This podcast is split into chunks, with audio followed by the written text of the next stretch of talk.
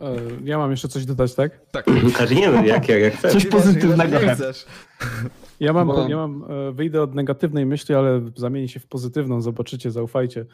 No myślę, że jakby można powtórzyć tutaj tą starą prawdę branży gier, że twórcy gier zawsze są w dupie. Jeszcze gorzej. E, Z tego prostego względu, że teraz będą wam płacić jednorazowo mało za grę, nikt w nią nie będzie grał.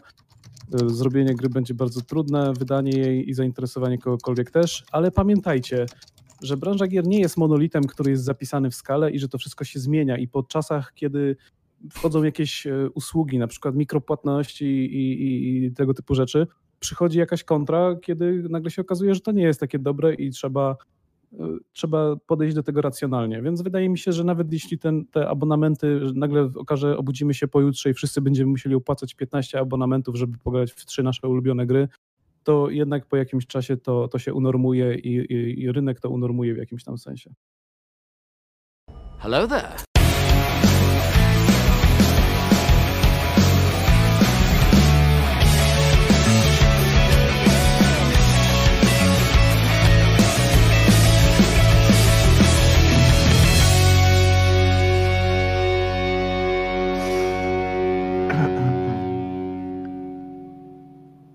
Witamy was wszystkich bardzo, bardzo serdecznie. Z tej strony Paweł Kruzer-Klimesz, a dzisiaj ze mną e, w sumie jak zawsze jest Kwiściu.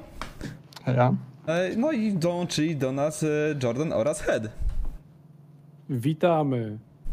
Dobry wieczór. Powinniśmy chyba Jordan równo, równocześnie tak. Witamy.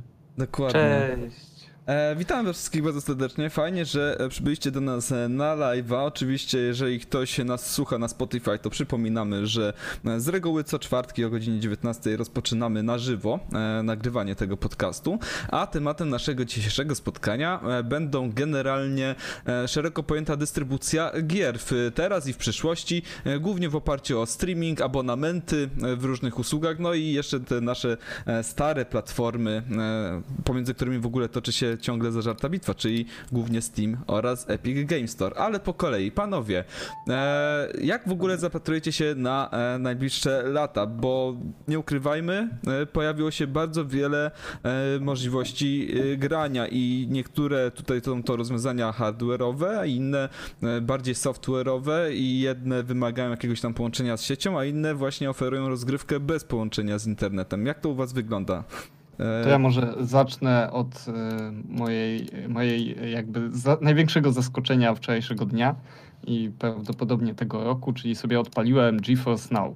Usługa, która już jest y, od jakiegoś czasu, ale tak naprawdę chyba w lutym dopiero wystartowała tak na poważnie.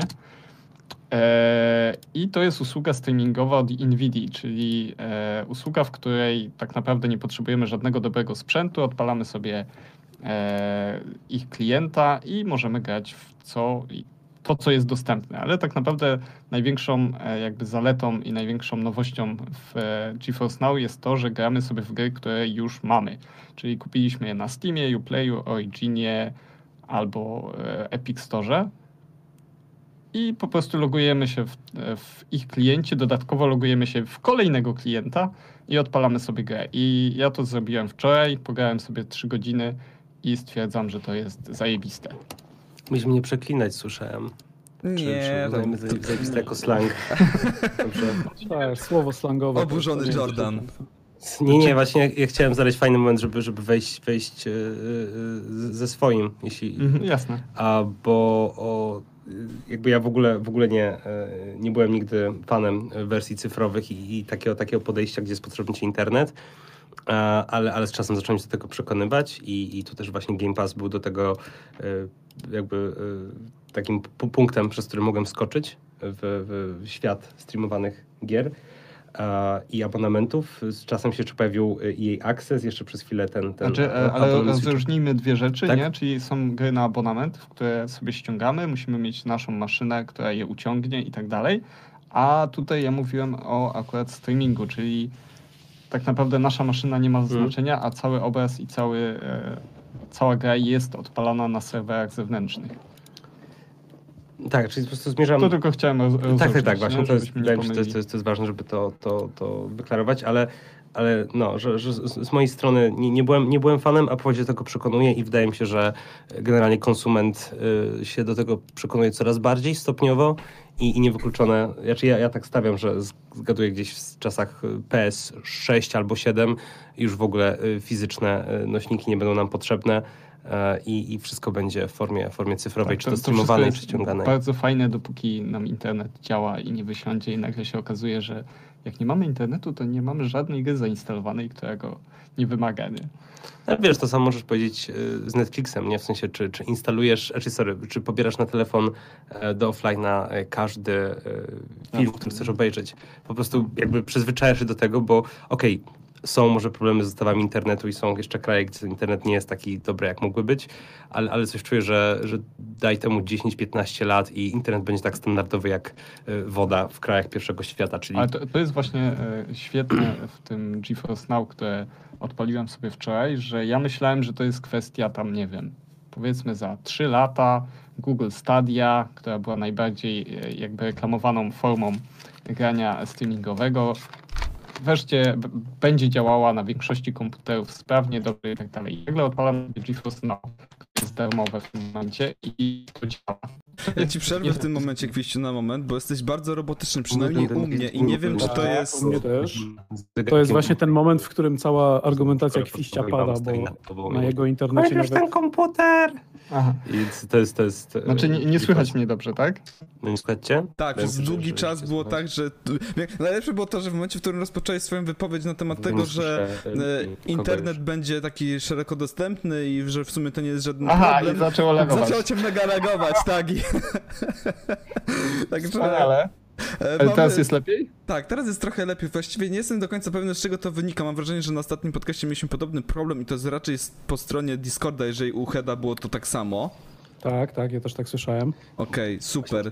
Normalne, że ja- Myślałem, szczerze powiem, podziało w takim razie. szczerze mówiąc, myślałem, że to jest u mnie wina z internetem, ponieważ Aha. E, Drogi Pawle, jako e, pracownik firmy technologicznej, która podąża za trendami, kiedy zapytałeś mnie o granie przy pomocy streamingu, odpaliłem w tle grę Dark Souls. Stworzyłem postać o imieniu Head, wybrałem tam e, statystykę młody i klasę rycerza i zacząłem grać, więc myślałem, że GeForce Now po prostu zaczął mi lagować Aha. kwestia, Okej. ale tak naprawdę chyba to było po stronie, po stronie serwerów. E, A teraz jak jest? Jest trochę Teraz lepiej? jest okej. Teraz jest Bo zmieniłem w coś w. Discordzie.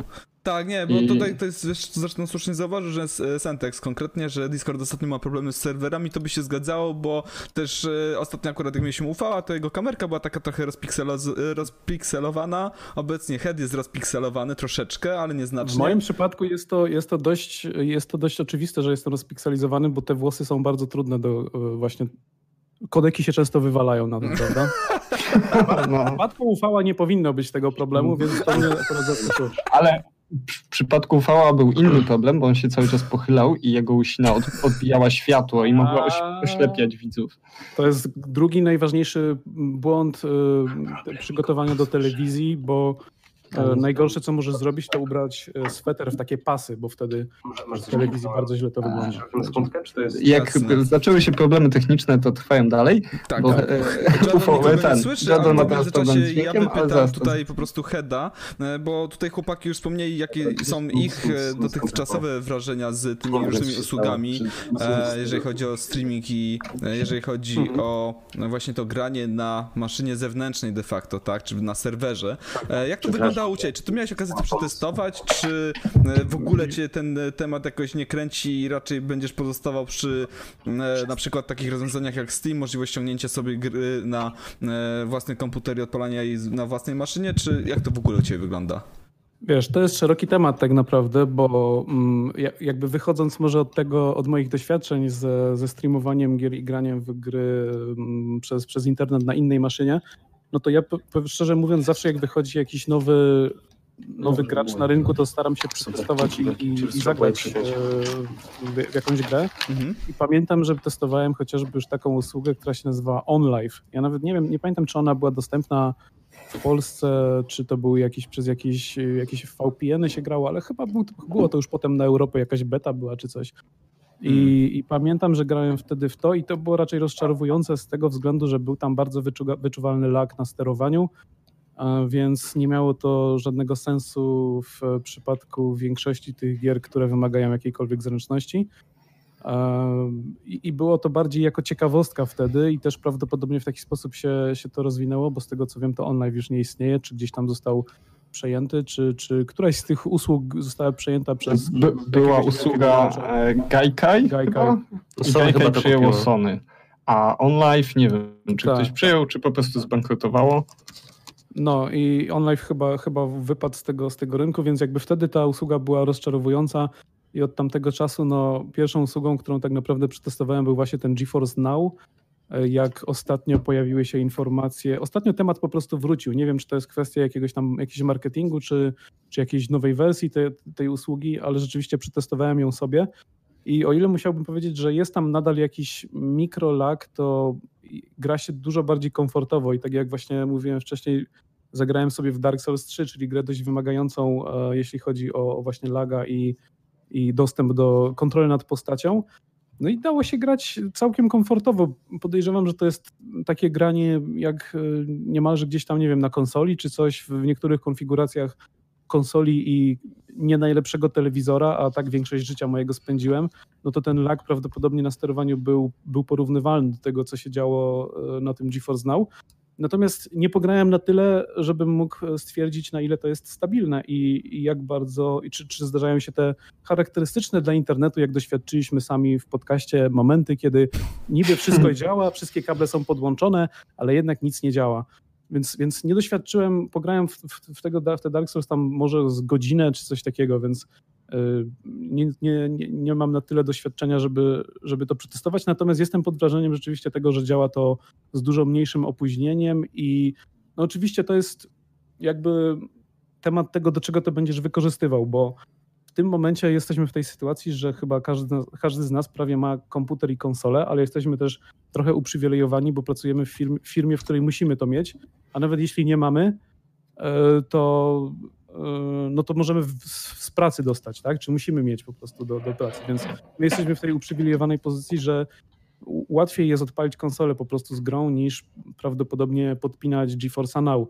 Natomiast sama ta funkcjonalność tego, że możesz zalogować się na swoje konto Steam i instalujesz tą grę gdzieś w świecie, nie wiem, w jakimś, na jakiejś wyspie, gdzie nie ma podatków i tam te serwerownie stoją, no nie wiem, gdzie one są teraz w tym momencie. Pływają sobie Podgrzewają, tam. tak, podgrzewają morze. W wodach że, międzynarodowych. Czytałem ostatnio, że te serwerownie są dużym problemem w, w temacie właśnie globalnego ocieplenia, że podgrzewają morze, dzięki czemu niedługo wszyscy, gorące źródła będą wszędzie i Gracze będziemy wymordowali całą ziemię.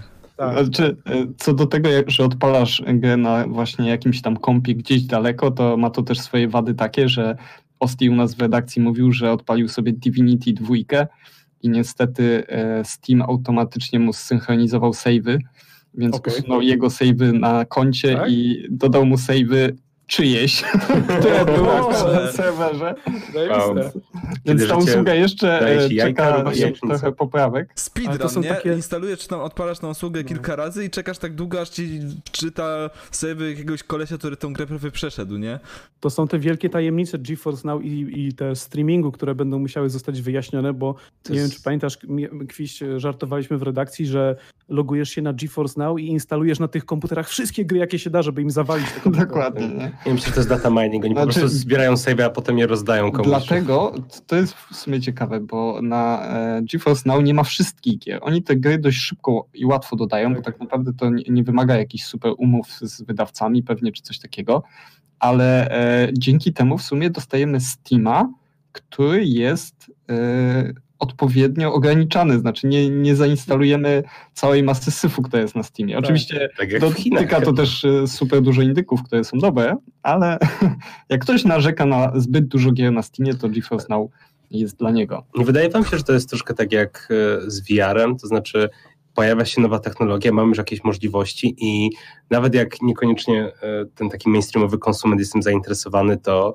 to różne tuzy świata gier chcą się po to podpiąć, żeby już, już zdobyć dominację? W sensie... Znaczy, ja bym powiedział tak, że e, Gajka i OnLive to był powiedzmy taki, takie pierwsze VR-y, ale w tym momencie jak naprawdę grałem w GeForce Now, to, jest już usługa, która jeżeli masz w miarę spoko neta, to myślę, że to jest właśnie dla ludzi, nie dla takich osób jak my, tak jak Head zauważył, które mają dostęp do sprzętu, bo nas to nie interesuje tak bardzo. Znaczy mnie akurat tak, bo e, PC-ta nie mam najsilniejszego, mhm. ale jeżeli jestem takim studentem, który kupił sobie jakiegoś lapka e, taniego i, i, może grać na przykład, nie wiem, e, w Herosy albo w jakieś małe gierki, e, to tutaj nagle dostaję możliwość grania na Ultra w Wiedźmina 3 i to jest dla mnie to jest coś niesamowitego, nie? że to sprawia, że za 25 zł miesięcznie nie musisz kupować nagle kompa za 4-5 tysięcy, tylko gdziekolwiek. A jeszcze nie wspominaliśmy, może po, potem o tym porozmawiamy, że to działa też na mobilkach. Może nawet masz... teraz tak, tak, tak. bo to jest ciekawy aspekt. Z jednej strony, kurczę, idea zagrania sobie w jakieś e, gry, wymagające gry, mając do dyspozycji ekran telefonu komórkowego, brzmi szałowo i nagle teraz pojawia się pytanie, to po co w ogóle e, istnieją konsole, poza faktem, że Nintendo wypuszcza ekskluzywy, w które i tak nie zagramy za pośrednictwem tej usługi. E, ale z drugiej strony, czy jest sens e, realizowania tego typu e, grania w tego typu gry na tak małych ekranach i, i czy to w ogóle e, ktoś będzie z tego korzystał, bo brzmi jako fajny bajer, taka fajna ciekawostka, którą można pokazać, ale szczerze, totalnie nie widzę, że miał grać w jakieś duże RPG właśnie pokroju Wiedźmina, czy e, nie wiem, Gearsy piątkę na telefonie, no. Znaczy, y, jasne, z jednej strony tak, a z drugiej strony y, popatrz chociażby na popularność y, Call of Duty Mobile, PUBG Mobile. My patrzymy trochę z perspektywy naszego rynku też, tak mi się wydaje, mhm. że my jesteśmy na zachodzie, mamy, większość zachodu ma średniego neta, powiedzmy sobie szczerze. Stany, Niemcy, Hiszpania, znaczy Hiszpania chyba nie, ale, ale wiele krajów, które wydają nam się... W Portugalii e... nie ma już w ogóle internetu, w Hiszpanii w Portugalii w ogóle. Bardziej roz, e, rozwinięte, to tak naprawdę Polska wypada na, w porównaniu z nimi dużo lepiej, ale jak popatrzymy na Azję, to Azja żyje e, grami mobilnymi. I oni nie grają właśnie, nie wiem, w e, małe gierki mobilne, oni grają, w, to jest ich główna platforma do grania. I w tym momencie oni dostają dostęp do wszystkich dużych tytułów AAA-owych i mogą nie grać na przykład w PUBG Mobile, tylko mogą grać w prawdziwe PUBG albo w zwykłe Call of Duty. Myślę też, e, myślę też, e, Cruiser, że jako sam miłośnik gier, w które, których się nie przechodzi, tylko w które gra się tysiące godzin, mhm. myślę, że sam byłbyś w stanie znaleźć jakieś zastosowanie dla, dla takiego maniakalnego grania w gry usługowe, gdzie musisz się zalogować na jakiś rajdzik, ale ale kazali ci iść na jakąś imprezę, więc zamykasz się w łazience i tam na komórce przechodzisz ten rajd, prawda, czy coś takiego. Jakby ja, ja, ja już doświadczyłem jakby w życiu takich e, maniakalnych doświadczeń, że no nie wiem, na przykład jadę do domu na, na jakieś na, na przerwę świąteczną i myślę sobie, co ja tam będę robił, więc biorę ze sobą cały komputer na przykład albo coś. Albo Switcha po prostu. Albo, no kiedyś nie było Switcha, prawda, teraz. A. Ale to jest... Za twoich czasów. To jest jakiś pomysł tak. na LAN party, nie? Nagle bierzesz na LAN party lecił takiego laptopa, czy nawet ten e, Telefony. telefon, e, bo chcecie pograć coś troszeczkę nowszego, bo umówmy się, w ostatnim czasie, znaczy w ostatnim czasie, to było z dwa lata temu, jak jeszcze byłem w Krakowie na studiach, ale żeśmy sobie organizowali ze znajomymi od czasu do czasu tego typu LAN party. Włożenie jednostek centralnych, takich jakie są w dzisiejszych czasach, to wcale nie jest fajna sprawa, bo to kurde waży i, i trochę jest duże, nie? Zwłaszcza jak się ma mocniejszy sprzęt, a jeszcze nie daj Boże się komuś coś upuści czy coś tam, to już jest w ogóle dramat, Albo nie? musisz to wozić autem, a na lamparty tam jakaś pizza, jakieś, jakieś napoje, no i, i co, będziesz taki objedzony i... i A tutaj i zabierasz sobie, nie wiem, tablet, pada i... I nie? Także tak, to jest jakiś pomysł. Tak, mm. ktoś, ktoś wspomniał o tym, że grałem Fantema. Tak, to na telefonie mógłbym pograć Fantema i sprawdzić. Nie, nie musiałbym, Kolejne 200 godzin. Kolejne 200 godzin, tak. Nie musiałbym albo, instalować tak. tego cholerstwa albo i chociaż, marnować miejsca. Albo chociaż, wiesz, e, zalogować się z tego telefonu, żeby odebrać te codzienne nagrody, nie? Czy coś, tam, ale to, tak, tak, tak, kurczę. O tym nawet nie, nie pomyślałem, ale wie, coraz częściej oczywiście, zwłaszcza w tych tytułach multiplayer, te długo żyjące, wspierane gry i tak dalej, są, jest ten model oczywiście e, dziennych nagród, dzienne logowanie i tak dalej, nagle y, odpada ci konieczność od uruchomienia całego komputera, nie? Możesz to zrobić nawet w pracy, w przerwie, cokolwiek, także okej, okay, to no, jest, jest jakiś argument za tym, żeby rozwijać to jest właśnie ten główny, główny plus takiej usługi, że mógłbym teoretycznie dostać jakiś dodatek, znaczy, że ta usługa w moim przypadku prawdopodobnie nie byłaby w stanie w tym momencie wyprzeć innych form grania, dlatego że wolę jednak, dlatego że jest wiele problemów, które na przykład w mojej konkretnej sytuacji e, są nie do ominięcia. Na przykład w jaki sposób przy pomocy GeForce'a Now ja będę grał w grę i, i zgrywał z niej gameplay, żeby Mhm. wykorzystać go w filmie. E, a tu, to jest ciekawe, bo Tak, nie, nie testowałem tego, ale wyskakiwał mi komunikat z GeForce Now nagrywania i pojawiał się też napis skrótu, żeby wyświetlić tam interfejs GeForce Now. Ja sobie go odpaliłem. Taki... Czyli możesz nagrywać się na ich komputerze. I była tam opcja nagrywania. I teraz jest pytanie, czy nagrywamy raczej tak, na ich komputerach, ale jak mamy do tego dostęp, nie? Czy Znaczy, oni to jakoś tak. udostępniają? Teoretycznie no, możesz nagrać sam pulpit, ale zakładamy, że będą jakieś, jakieś przebarwienia, że, czy, czy jakieś przekłamania w obrazie, czy coś. Tak, tak, tak, ale tam jest opcja nagrywania i nie, nie sprawdziłem tego, więc nie powiem, czy No to, może na to jest koniec dobre. sesji cię pyta, czy chcesz pobrać nagrany materiał. Tylko co teraz, jak na przykład materiał waży kilkadziesiąt giga, tak? No tak, to będzie problematyczne na pewno. No ale to jest Jasne. taka bardzo specyficzna sytuacja, ale jednak myślę, że wiele ludzi myśli w taki sposób, że łapie sobie screenshoty z gry, że tam Tak. nie wiem, jakieś takie, Ale- takie elementy.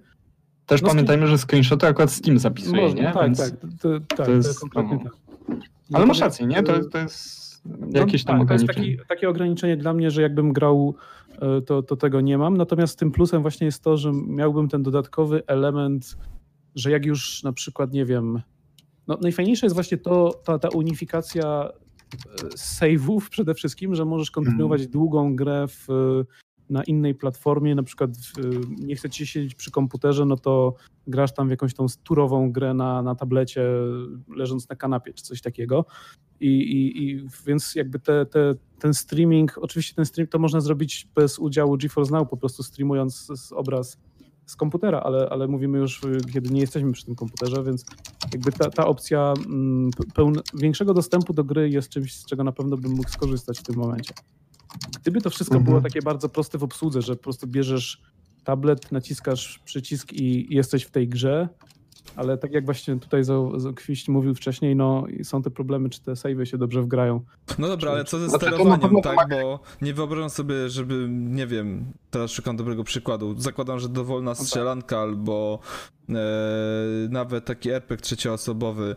E, gry, które z grubsza nie były e, projektowane z myślą o graniu na ekranach dotykowych. Jak to obsługiwać? To masz e, iPad, myszka, klawiatura, US... Czekaj, piszę teraz, czy jest taka dokładna. Znaczy nie po pierwsze masz e, pady na telefony, które są coraz popularniejsze. Mhm. Są też takie dodatki, które działają trochę jak Switch. Razer chyba wydał coś takiego, że dodaje się takie joycony Takie Joy-Cony, no. po dwóch stronach telefonu. A inna sprawa, ja bawiłem się z miesiąc, dwa miesiące temu Steam Linkiem i grałem sobie w Disco Elysium na e, iPadzie przez Steam Linka i Steam, a że GeForce Now wykorzystuje Steama, to myślę, że nie- ma dużego problemu, żeby oni też skorzystali z tych narzędzi. Mhm. Steam daje dużo opcji, żeby tworzyć sobie dotykowy, dotykowy kontroler na ekranie i edytować go tak, jak chcemy. Czyli ustawiamy sobie, czy na przykład nasze tapanie palce ma się zachowywać jak kursor, czy ma być tak jak na telefonie. E, Możemy sobie ustawiać, jakie przyciski chcemy na ekranie, jakie są duże, ile ich jest i tak dalej. Dodatkowo twórcy mają możliwość też edytowania, na przykład w Disco Elysium. E, Domyślnie mamy e, krzyżak, to są cyferki 1, 2, 3, 4, żebyśmy mogli szybko wybierać sobie opcje dialogowe Mhm. które też są numerowane. Więc jakby tych opcji jest dużo, no oczywiście do tego jest zwykły pad. Jeżeli chcemy grać w strzelankę, no to jednak bez pada się nie obejdzie i, no, jest to jakieś kolejne ograniczenie, nie? Ale wydaje mi się, że No, właśnie ta, ta, ta funkcja ma dużo ograniczeń dla takich osób jak my, które mają dostęp do sprzętu, ale właśnie przede wszystkim to jest coś, co pozwala zwiększyć bazę graczy niesamowicie. Znaczy, y, wydaje mi się, że bardzo dużym progiem wejścia dla wielu y, potencjalnych graczy jest to, że trzeba kupić sobie albo dobrego PC-ta, albo konsolę. I dla nas to się wydaje, a konsole są teraz tanie, tam 6 stówek, 8 stówek. Ale dla większości osób to jest tak, czemu ja mam wydać tyle kasy na jakieś tam gierki, nie? No, ty, ty, tylko, tylko do grania ci A tutaj ci nagle to, to, to działa i to nie jest drogie.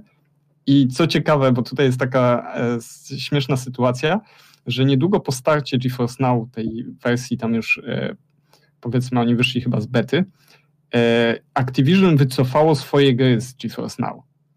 I to, dla mnie to jest taka typowa sytuacja, w której Ciekawe, panowie w garniturach popatrzyli, że ej, ej, ktoś zarabia na naszych grach. musimy się wycofać, przecież oni nam za to nie płacą. Ale nie zadali sobie takiego prostego pytania, ale wy nic na tym nie tracicie, bo wy zwię- GeForce Now zwiększa bazę graczy, ale tak naprawdę, żeby ktoś grał w wasze gry, to i tak musi je kupić, Kupić, tak. albo na Steamie, albo na Epic Store, więc halo, to chyba nie jest dobry ruch. Chyba na tym jednak tracicie, nie? I taki- mam wrażenie, że za tydzień, dwa e, ktoś tam w Activision pomyśli i stwierdzi, no dobra, jednak wracamy. Chyba, że to Albo- jest genialny pomysł panów z Activision, którzy stwierdzili, że przecież oni mogą zrobić własną wersję tej technologii, Tak, tak? to, to brzmi jak Bobby Kotick po prostu, który, który tak, tak turbokapitalista, jeżeli ktoś inny niż ja e, zarabia, to, to jest źle i ja muszę, muszę coś z tym zrobić, nie? No, a to jednak naprawdę no, to pozwala na przykład, y, co ciekawe, mieliśmy chyba dzisiaj newsa o tym, że Cyberpunk na premierę będzie w GeForce Now. I teraz sobie wyobraźmy taką sytuację, że Cyberpunk wychodzi, żeby grała ma kosmiczne wymagania, a nagle się okazuje, że każdy sobie może w niego zagrać, nie? I na przykład dodają do Cyberpunka e, tą usługę jak ileś tam miesięcy za darmo, nie? I kupujesz sobie Cyberpunka na premierę, a nawet nie masz maszyny, która go obsługuje Uciągnie. i sobie grasz, nie? Okej, No, to to jest doskonałe rozwiązanie właśnie dla ludzi, którzy nie mają potrzeby inwestowania w hardware. Eee, poza oczywiście chęcią e, no, rozrywki, tak? Poza, poza takimi celami rozrywkowymi. Tak, W naszym kopania przypadku- kryptowalut.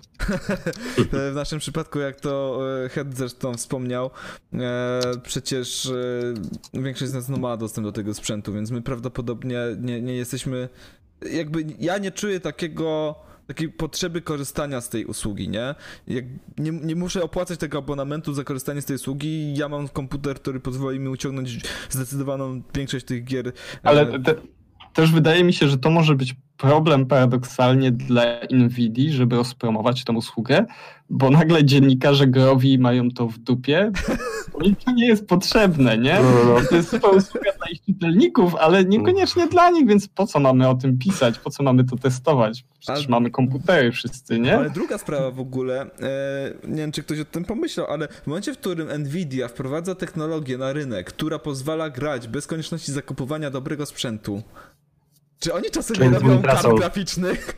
No, teoretycznie, teoretycznie potrzebują swojej konfiguracji, więc te karty muszą produkować sami dla siebie tym razem. Nie? No tak, ale No tak, to jest to trochę konkurencja, nie? Że są takie dwa działy, GeForce Now i GeForce i one się nie lubią. Tak bi- biją się między sobą i e, No, chyba, że plan wielki jest właśnie- prezes z cygarem John GeForce tak patrzy na nich jak na dwóch synów mówi, no zaskoczcie mnie, kto tam zrobił ile miliardów?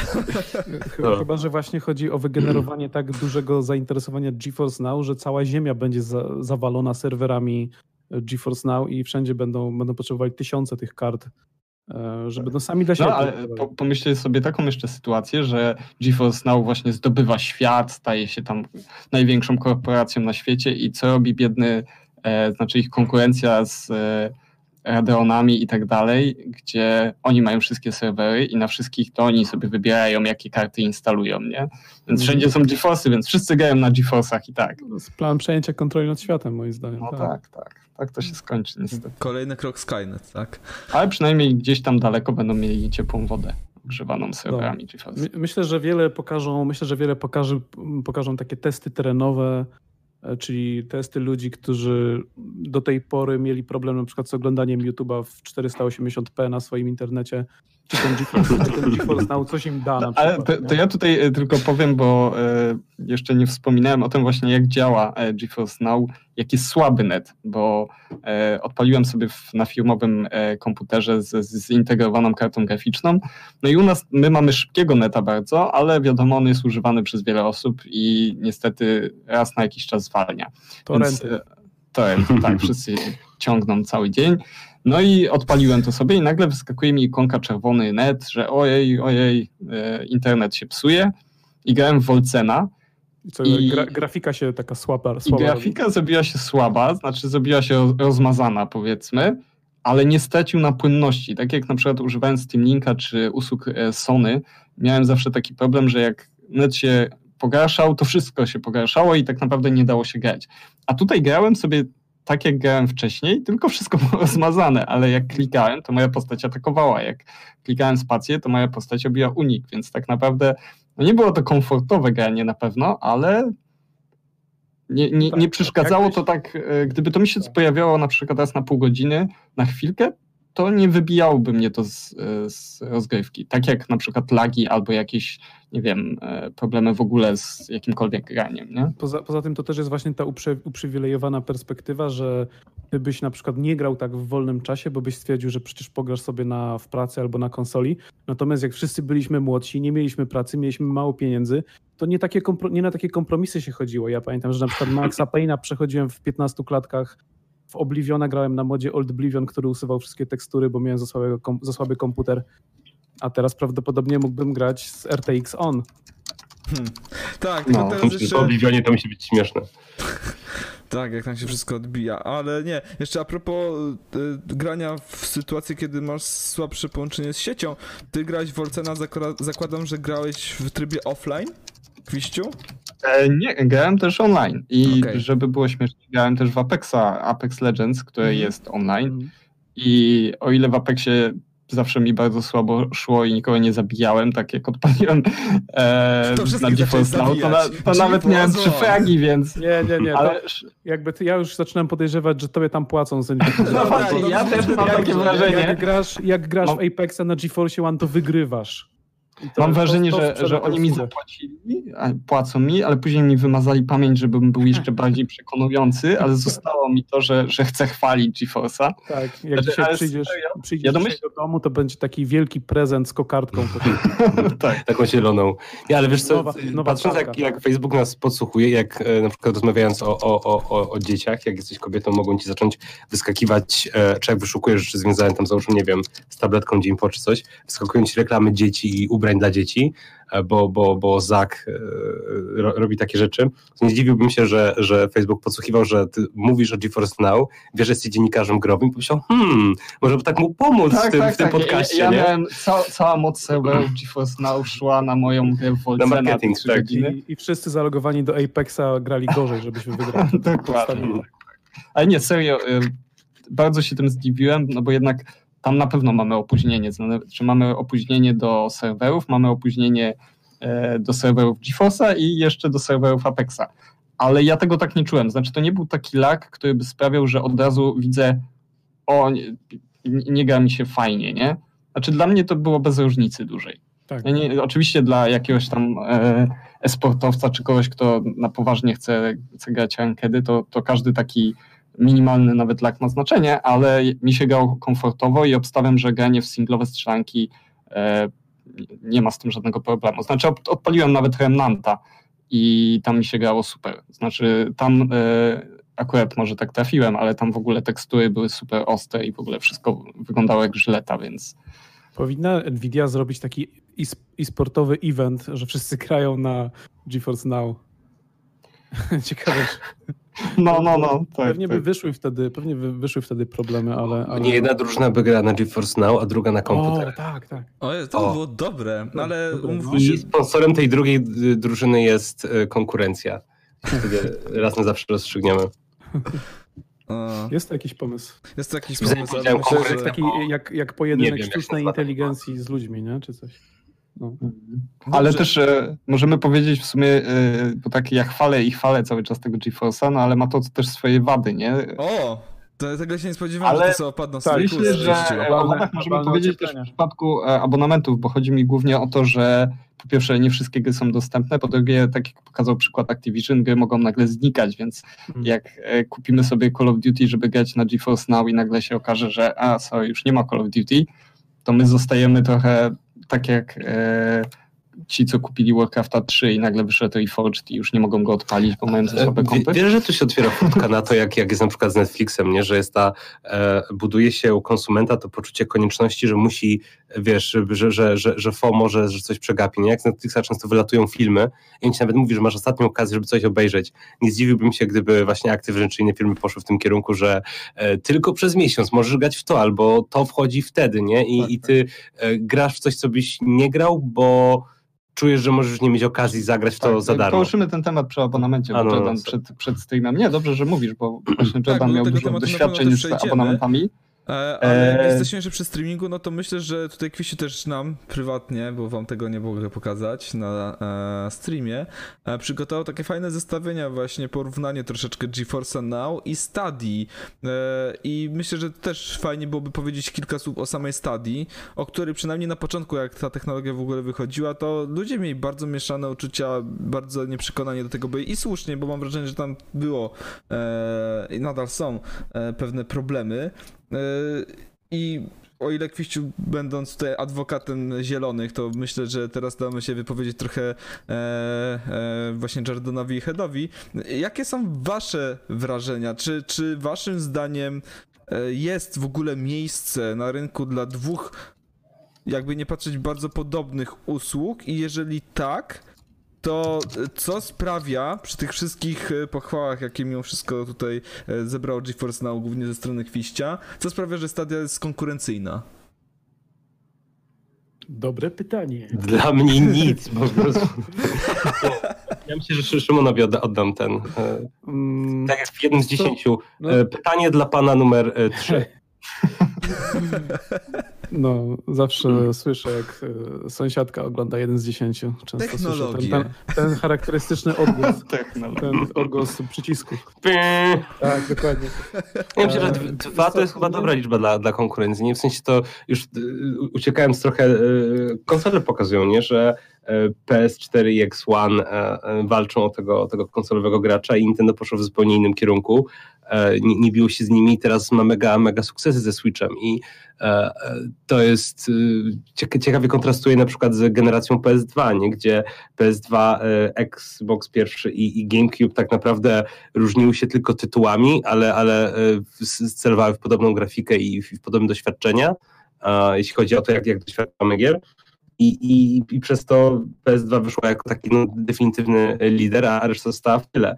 I chyba dwie takie, takie duże firmy to jest taka optymalna liczba. E, Też znowu odbiegam od tematu, ale abonamenty też to pokazują, nie? W sensie był, był Showmax w Polsce, e, e, obok, obok HBO, obok Netflixa, ale się okazało, że jednak to jest, to jest za duża liczba, bo, bo konsument raczej, jak już się zgodzi na jakiś abonament, to, to właśnie jeden, dwa, a trzy to jest troszkę taka, taka za, duża, za duża liczba, wydaje mi się. Bo, bo nie jesteś w stanie po prostu tak, tak korzystać ze wszystkiego. Znaczy, y, to zależy pewnie, y, pewnie to jest optymalna liczba dla konsumenta, ale jak widać z abonamentami chociażby, to, to tych abonamentów pojawia się ostatnio, nie wiem, jest, mamy ich z 6-7 Mhm. i to zaczyna być kłopot. To samo jest zresztą z serialami, nie? Mamy Netflixa, mamy HBO, mamy Amazona, A właśnie, Amazon jeszcze jest, cholera, tak, więc tego wszystkiego jest dużo. Zaskoczę cię, Kwiściu. E, e, słyszałem ostatnio, że to też powoli wchodzi w świat e, nie tylko growy i, i filmowy, multimedialny. E, już pomijając, że, że parę lat temu można było jakieś tam maszynki do golenia czy coś kupować, to teraz na produkty takie spożywcze i na przykład jest, słyszałem, subskrypcja na bekon. Dostajesz, dostajesz co miesiąc innego rodzaju bekon. Jak na przykład nie chcesz sam eksperymentować czy coś, to, to, to e, operatorzy tego, czy jakby twórcy te, te, te, tej usługi wysyłają ci tam różnego rodzaju, żebyś sobie mógł spróbować do jajeczek. Ostatnio, ostatnio grałem w tę grę for Broadcast, tam była taka reklama parodyująca te abonamenty e, spożywcze, Mhm. polegające na tym, że to jest abonament na sałatkę i każdego miesiąca dostajesz jeden składnik sałatki. Po całym roku możesz złożyć sałatkę. No, mrozisz i trzymasz na później, nie? Później wyciągasz wszystko na raz. Piękne. Tak, Tak, ale no, ze To jest te gazetki dla problem, że Agostini w sumie też to robiły. Zł- Złóż, złóż Tak, tam e, tyranozaura, nie? To był, pro, to był Ale teraz wyskoczyła mi dzisiaj reklama, złóż sobie R2D2. E, Tak, tak, tak. I koszty pewnie tego wychodzą jakieś tam, nie wiem, 10 O, tysięcy. pierwszy, pierwszy numer za 4 zł, a potem po, Ale po czekaj, 4 dychy, nie? Ale, ale jak, taki w skali 1 do 1 działający, czy E, jaka jest chyba tak, no tak to wyglądało. Nie, chyba 1,20 coś, tak, tak, tak, widziałem. tak, coś takiego. No, Pierwszy ale numer to jest- spore. No, Albo ten 21, taki wielkości budynku. tak, większy niż zwykły. Dwa lata go składasz, a potem, potem po, po dwóch latach samego składania możesz tam zęcić, wjechać do pracy, wymordować wszystkich i śmialiście się ze mnie, z moich gazetek? To teraz macie. E, dobrze, także e, to zadam może pytanie inaczej, postaram się troszeczkę chociaż uprościć, czy jest jakakolwiek taka redeeming cecha stadii względem GeForce'a, bo jak Znaczy- teraz sobie przeglądam, to jest tutaj masa minusów. Przykładowo, pomijam już kwestię dostępu do e, różnej rodzaj, różnego rodzaju tytułów, tak, bo na GeForce'a Now zdecydowanie jest ich na ten moment przynajmniej więcej, ale chociażby fakt, że kupujesz gry specjalnie dedykowanie na stadię, w porównaniu do GeForce'a, gdzie kupujesz grę i nawet jak nie będziesz grał poprzez GeForce'a Now, to możesz sobie zagrać po prostu na swoim komputerze gdzieś tam e, bez tej usługi też, tak? Wydaje mi się, że jedynym tym plusem w Stadii była ta e, kosmiczna zapowiedź, że tam będziesz miał 4K i 60 FPS-ów, bo w zasadzie jedyną taką rzeczą, której tutaj chyba, która jeszcze nie jest e, podejmowana przez te tematy streamingowe, jest to, że w jakiej maksymalnej rozdzielczości, czy w jakiej jakości będziesz mógł maksymalnie grać, czy, czy, czy będzie to w stanie funkcjonować na telewizorze na przykład, którym, który masz jakieś tam 4K, tak? Czy, Mhm. czy, to, czy jakiekolwiek ma to zastosowanie tam, no bo chyba domyślamy się, gdzieś to tam w tym kierunku będzie zmierzało, że docelowo taki streaming mógłby zastąpić ci jakikolwiek sprzęt pod, pod telewizorem i sam telewizor by po prostu wszystko robił, tak? No bo tylko wystarczy przesłać obraz. Jasne. Więc jakby wydaje mi się, że, że ta zapowiedź stadii była tym, co, co przyciągnęło uwagę jako jedyny element, natomiast wszyscy wiemy, że to, to nie działa, przynajmniej z tych testów, które były, to nie działa w taki sposób. W Polsce nie możemy nawet inne sprawdzić, nie? elementy, Tak, a wszystkie inne elementy jakby e, położyli po prostu, czyli czy większość tych bardzo dużo potknięć na, na, na wszystkich innych etapach. Więc e, no, cię, ciężko to wygląda. I nawet to Natomiast- 4K, załóżmy nawet, że to prędzej czy później będzie działało, to, to naprawdę trzeba by być bardzo niewiernym wobec GeForce'a, żeby zakładać, że panowie z NVIDII nie dadzą rady tego w siebie prędzej czy No później tak. zaimplementować, bo to nie jest też jakaś taka e, charakterystyczna cecha e, tylko dla jednego sprzętu, nie? To jest po prostu Tak. jakość, jakość zawsze można podnieść, więc e, no jeżeli ja bym miał się zastanawiać, wydaje mi się, że znaczy jestem ciekawy, co w ogóle, jaka będzie odpowiedź ze strony Stadii, czy w ogóle będzie jakakolwiek sensowna Znaczy, ja mam wrażenie, że- interesu. Boję, ja, się, ja się boję, bo takie duże firmy jak Google wielokrotnie pokazało, że i Microsoft zresztą też, że mają jakiś pomysł na coś, ale kompletnie nie mają pomysłu na, to, co, na ten pomysł i po prostu rzucają coś i to po prostu po jakimś czasie się zostaje gdzieś tam i, i, i zanika, prawda?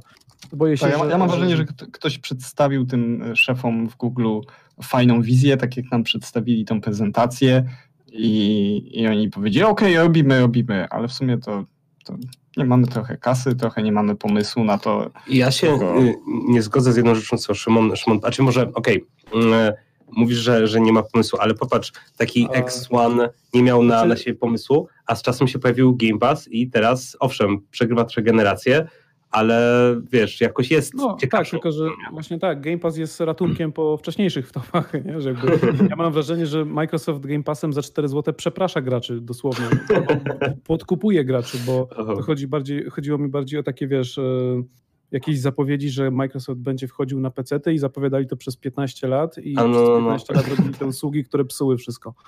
I, I Microsoft Store, i UWP, i jakieś tam ostatnio były rzeczy, więc jakby ten, ten Game Pass rzeczywiście sam z niego korzystam i to jest fajne, tylko zawsze się zastanawiasz, jaki to ma sens, skoro ciągle można to kupić za 4 zł. Kiedy, kiedy przyjdą wystawić rachunek, kiedy ten komornik przyjdzie do twojego Ale domu, nie? jak popatrzymy na dochody Microsoftu, to sobie możemy pomyśleć, a Microsoft może to sponsorować Mhm. przez pewnie najbliższe 20 lat, tylko że to nie jest wygrywanie, nie? To jest, To nie jest usług... Tak, tak. To, to, To jest jest, To jest przy y, upadku. To jest równie dobrze, można po prostu, nie wiem, otruć konkurencję, nie? To jest ten sam problem. A ja wam powiem, że Game Pass jest fajny, jestem z niego mega zadowolony. I... Nie, to, jest super. To może płynnie przejdziemy do Tak, właśnie tego, do tej usługi, bo tak naprawdę do o abonamentów. Stadii niewiele można mówić, bo na razie to jest poziom no, bardzo słaby, a to, czy Google coś z tym zrobi, to Wróżenie z fusów, tak, jak Nasze doświadczenia są raczej takie z Googlem, że rzadko coś robi. Ostatnio Za- pojawiły mi się memy nowe na Twitterze, chyba jeśli chodzi o ich komunikator, który teraz chyba znowu zmienił nazwę. Wcześniej były Hangouty, Hangout. później był Meet, a teraz to jest chyba Hangout Meet. I w dyskusji twitterowej ktoś jeszcze przypomniał, że były trzy inne komunikatory Google'a Tak. i każdy żył chyba z rok, dwa. Więc Był jakieś Google Plus to chyba, to miała być próba Facebooka, Tak, czy... tak, tak. Podbicia, No, ale, ale Hangout to był taki fajny przypadek, bo tam było dużo. Innymi słowy, Google zachowuje się trochę jak ci producenci gier mobilnych, którzy wypuszczają takie gnioty tylko po to, żeby się chociaż jakkolwiek sprzedały i zarobiły na siebie, plus jeszcze tam trochę zysku przyniosły i potem trzeba robić kolejnego, tak? War of Games of Clans. Tak. Na Myślę, że to pewno jest może taka być, gra. może być ten problem, że wiesz, że w Google po prostu szefostwo dowie się o porażce stadii dopiero na kwartalnym spotkaniu, które za pół roku będzie, nie? Na przykład.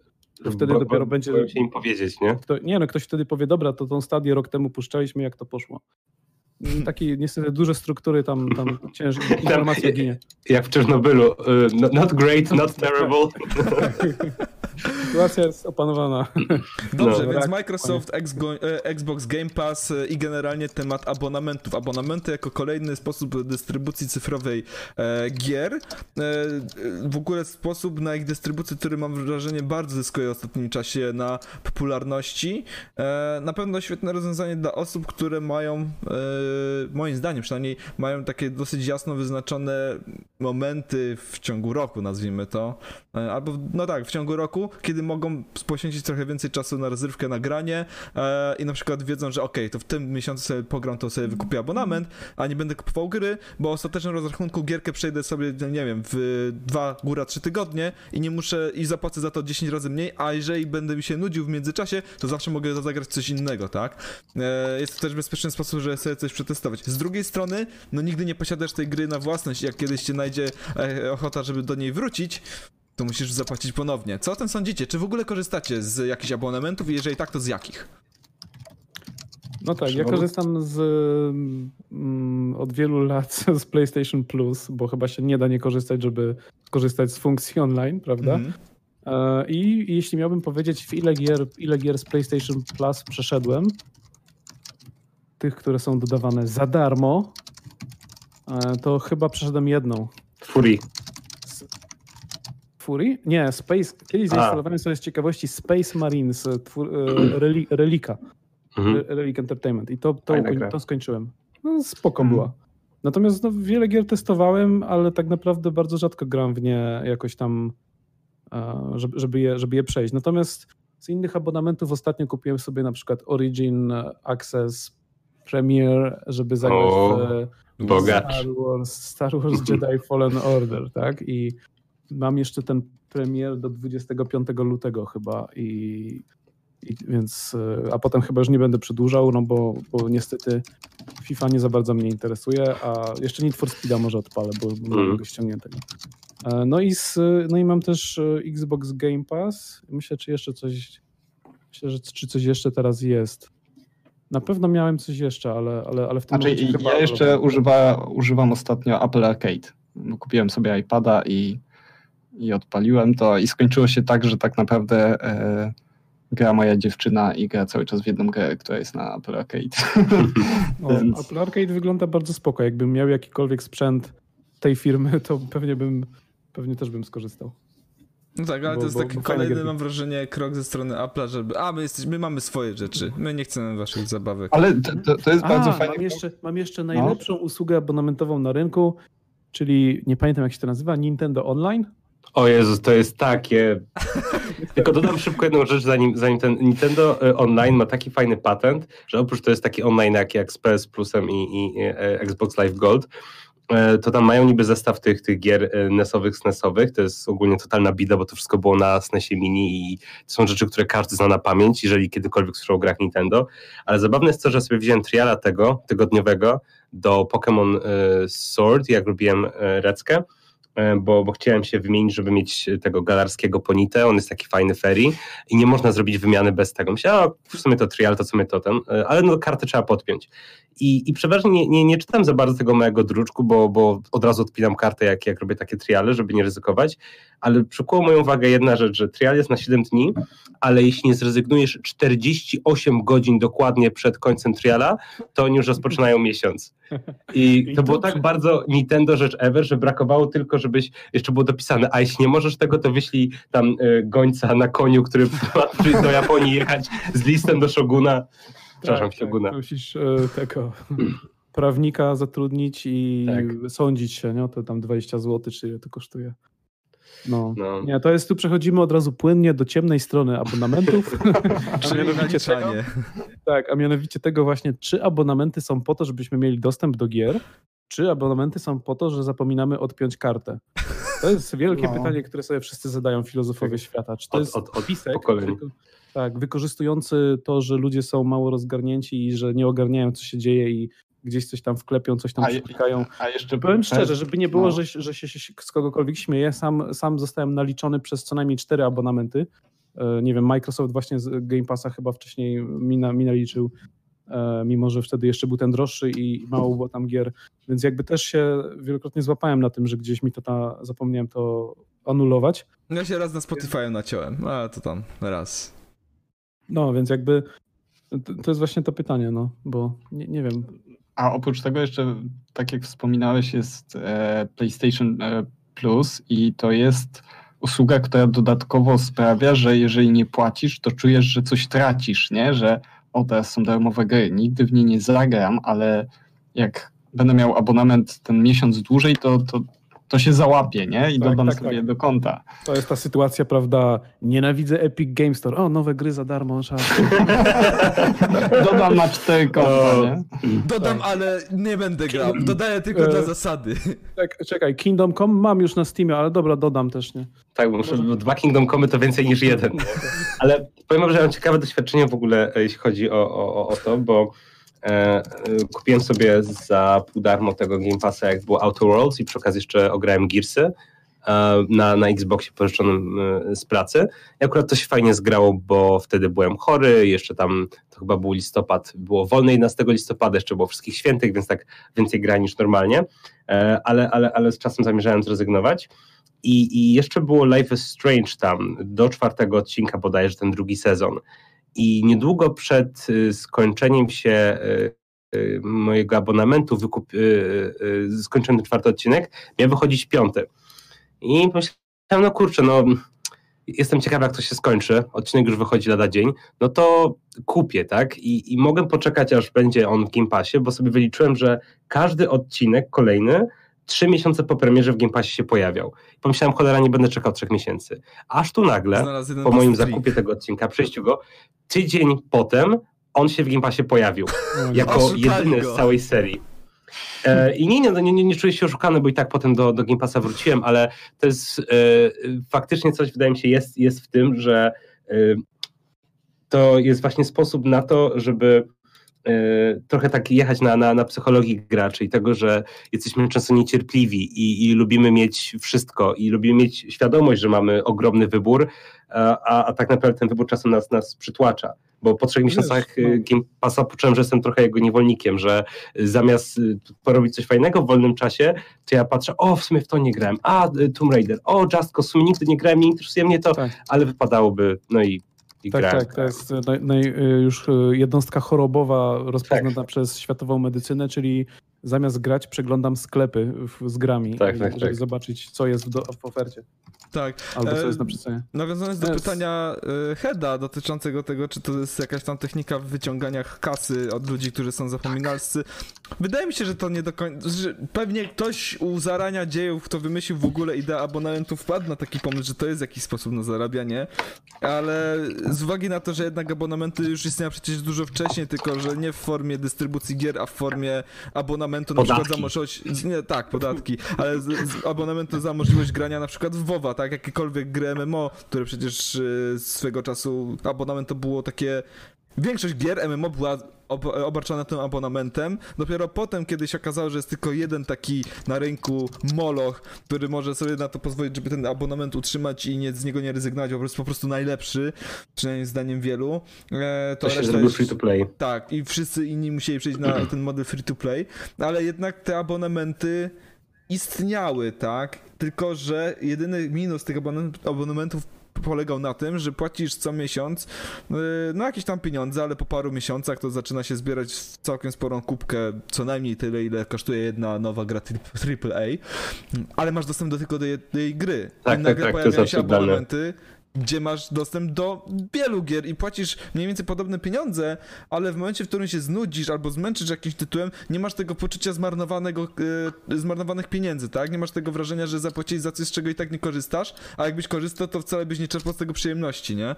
Także myślę, że to jest jakby główna idea stojąca za abonamentami, plus, e, tak jak mówił Jordan, jest wiele osób, które nie tyle ma potrzebę posiadania, tyle co potrzebę, czy tą chęć sprawdzenia sobie wszystkiego, co powychodziło. E, a niekoniecznie e, widzi ci się wydawać te prawie 1000 zł, jeżeli chcesz kupić 5-6 tytułów w danym miesiącu. Co prawda przez pierwsze pół roku e, 2020 nam to za bardzo nie grozi, ale myślę, że druga połowa już będzie wyglądała zupełnie inaczej i to są też takie okresy, kiedy te abonamenty bardzo zyskują na e, opłacalności. No, ale w ogóle ciekawą rzecz poruszyłeś to, to kupowanie, bo e, ja widzę po swoim przykładzie, mam e, młodszego 13-letniego brata i on od, jakby taką jego pierwszą konsolą był, był Xbox One. E, i, i pomijając to, że gra częściej Fortnite, Minecrafty, przeważnie z kolegami tam w Rainbow Sixa i tak dalej, to widzę, że on jest zupełnie innym konsumentem, e, będzie jak, w sensie jak będzie miał te 20 parę lat, niż, niż ja jestem teraz, a, bo on od praktycznie początku Game Passa ma go, bo tam grał z kolegami w Sea of Thieves i... Dobra, ja polecam. Tak, tak, słyszałem dużo, dużo pozytywnych rzeczy w domu przy, przy śniadaniu i przy kolacji, ale, ale tylko y, szybko skończę historię, że e, on nigdy jakoś nie przejawiał zainteresowania tam y, tymi AAA-ami co ja, aż to nagle wrócił z jakiejś ferii i patrzę, gra w Wiedźmina. Ja, o wow, fajnie grasz w Wiedźmina, nie? Pogadamy sobie o fabule, o rzeczach, pamiętaj, żeby zakrywać oczy tam w pewnych momentach. Dwa dni później patrzę, już nie gra w Wiedźmina. Mówię, co, nie grasz w Wiedźmina? A wiesz co, znudził mi się. I, I to było dla mnie tak, tak szokujące, bo ja jakby od dzieciaka miałem, miałem taki mindset, że wychodzi jakaś gra, interesuje się nią, rozważam. Interwencja rodzinna, Jordan. nie, nie, ja, ja jestem bardzo, bardzo twardy i wierzę, że okay. decyzje sami. Ale zmierzam do tego, że, że u nas była ta mentalność, nie, że odkładam na grę, czy kupię tą grę kosztem innej i jednak wiesz, zanim posiadłeś grę, to, to była jakaś taka, jakieś oddanie i jakaś, jakaś inwestycja mentalna i finansowa, czasowa, mhm. a, a teraz właśnie widzę, że młodzi ludzie po prostu nie, nie są w ogóle przywiązani do gier tak jak my, nie, nie mają jakby e, podejścia, że a będę sobie kolekcjonował, czy będę do tego kiedyś wracał, tylko po prostu a zobaczę co jest, o fajne, a nie dla mnie. I, i w ogóle nie ma, nie widzę przywiązania do, do nośnika, ani takiej, takiej kultury kolekcjonowania. Ja tak tylko um, zahaczę, że tak jak nie ma jakiejś specjalnej kultury do przywiązywania się do pewnych tytułów, mam wrażenie, że też kultura robienia ich z taką takim namaszczeniem ze strony twórców czasami w dzisiejszych czasach mhm. jest mniej popularny niż to miało miejsce kiedyś. Kiedyś to jednak, kiedy było to coś, nazwijmy to w cudzysłowie, nowego, bo gry oczywiście mają kilkaset lat. Nie mówię tylko o grach wideo. E, tak, e, kiedy się ta rozrywka cyfrowa e, tak rozwinęła i te lata 90., wczesne 2000, e, kiedy się tworzyło grę, to to było takie wow, robimy coś takiego mimo wszystko niszowego, bo jednak to jeszcze były czasy, kiedy granie w gry to nie uchodziło za coś super mega fajnego, cool i w ogóle i mainstreamowego absolutnie. E, więc też twórcy się bardzo starali, żeby oni robili gry, które sami by chcieli zagrać, a teraz to jest hasło, które jest często wykorzystywane, ale rzadko kiedy jest prawdziwe, nie? No. E... Usługi, nie? To jest, to jest biznes. To tak, zawsze był biznes. To zawsze tak, był ale... biznes, ale teraz mam wrażenie, że troszeczkę e, ta świadomość, że jednak musisz zapłacić tym swoim pracownikom. Przecież kiedyś jednak mi nie zdarzały sytuacje, że ludzie potrafili przez parę miesięcy pracować za friko, bo musieli poczekać, aż się gra sprzeda i dopiero wtedy mogli wypłacić e, ale... pensję, ale za to wydali coś, co było ponadczasowego, tak? E, a tak jak teraz mówisz, teraz e, gry się produkuje taśmowo, bo jednak masz mm, z góry założone, że ok, w tym roku musimy wypuścić taki tytuł, potem mamy maksymalnie dwa lata na produkcji i musimy wypuścić kolejny, żeby e, firma się utrzymała. E, także też trochę jest inne podejście do tworzenia tych gier, a z uwagi też na inny sposób ich dystrybucji, nie ma też tego takiego superkultowego przywiązania i rzadko kiedy się będzie pojawiała i rzadko kiedy się teraz pojawiają gry, które będzie można tam za parę lat nazwać klasykami, Ale do się będzie wracało. Wydaje mi się, że to trochę patrzycie przez różowe okulary na te czasy, bo ja dzisiaj przeglądałem w redakcji Second Service i patrzyłem na jakie gry wychodziły w akurat w jednym tam numerze. No, jest dużo. To był straszny syf. po prostu było masa gier, które były gówniane, które były mhm. straszne, ale to, że tych gier było niewiele, to ludzie traktowali je jako, nie wiem, kultowe albo świetne. A, i nie mieliśmy też takiego y, jakby spojrzenia na gry przez internet. Nie? Teraz wchodzimy sobie na meta i wiemy, które gry Warto warto, lubić, nie? warto zagrać. A kiedyś to było tak, że o jak CD Action dało 10 na 10, to to musi być gra arcydzieło. Nie? Później No. się okazuje, że przeglądasz sobie CD Action, patrzysz, że jakaś gra dostała 10 na 10, a w meta ma 6 na 10. I jest Gothic takie, 3 miał a, chyba dziewiątkę. jak to się stało, nie? Mm. bo mieliśmy inne źródła informacji No, no. i teraz mamy tych gier tyle, że i są gry robione z pasji, które No. są gówniane i takie, które są wspaniałe i tak samo są gry, które są robione tylko dla kasy, Ja nie? się właśnie z, z, zgadzam z Kwiściem kompletnie, e, sorry Cruiser, ale, Mhm. ale fakt faktem, no, no, wydaje mi się, że czy chyba wszyscy możemy się zgodzić, że jednak mniej się dzisiaj przywiązujemy do, do, do nośnika, bardziej jednak patrzymy na, czy też w sumie to jest niemożliwe, tak, bo w przypadku wielu indyków, no, no nie możesz tego kupić fizycznie, tak? Ale też y, taka, y, bo wspominaliście o tym, że się mniej przywiązujesz, bo masz też łatwiejszy dostęp i Mhm. tak dalej, tak jak twój brat, ale ja miałem takie same problemy, na przykład kiedyś, e, wspominaliśmy tu już o grach, które, jak to były Cruiser, gry zepsute, Mhm. Tak. tak, U że nas, gry, e, żeby było, wprowadzimy jeszcze Heda i Jordana. E, Mhm. Są wersje, w latach 90. popularna była sprzedaż na giełdach gier tak zwanych zepsutych i potem się kupowało ewentualnie naprawione, jak już coś stwierdzi, że jest fajne. W tak, no sensie, i, że, że były coś źle... źle Zrysowane płyty? Źle zripowane?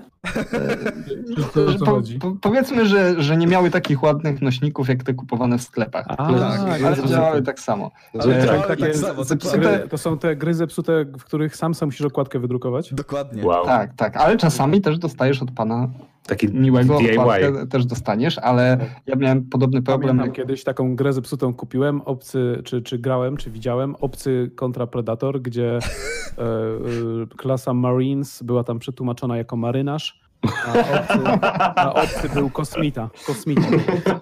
Smita i marynarz. To Czy mówili, jak- mówili po rusku? Mm. Czy było cześć Czarna Kasiu? Ze Spidermana taki easter egg. Tak, ale, e, ale wracając, to, to miałem podobny problem, że te gry zepsute miały jedną wadę właśnie, że były tanie.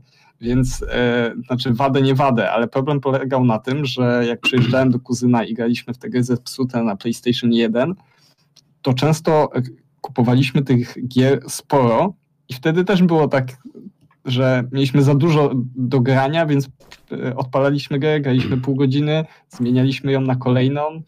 No i to był ten sam problem co teraz, nie? Że Dobra, ale jakaś, cię jakaś ci przykład twoją uwagę i okazała się być takim diamencikiem, to potem jak kupowałeś wersję oryginalną, to zrobiło było to pudełko i tak dalej, tak? I się do tej gry jednak potem nawet wracało.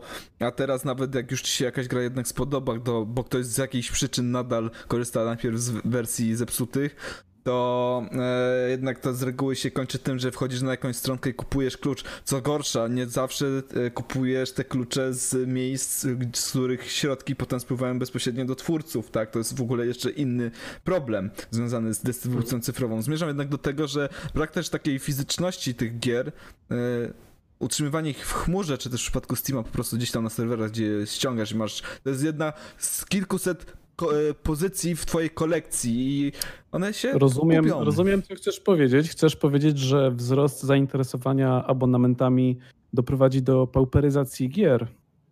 Prawda? No, jest, jest takie ryzyko trochę. Mhm. Był, był taki głos, chyba nie pamiętam, widziałem tylko nagłówek e, newsa. Ja zgoogluję, czy dobrego słowa użyłem. E, wydaje mi się, że tak. Ja, ja, ja te, te, też bym go tak użył.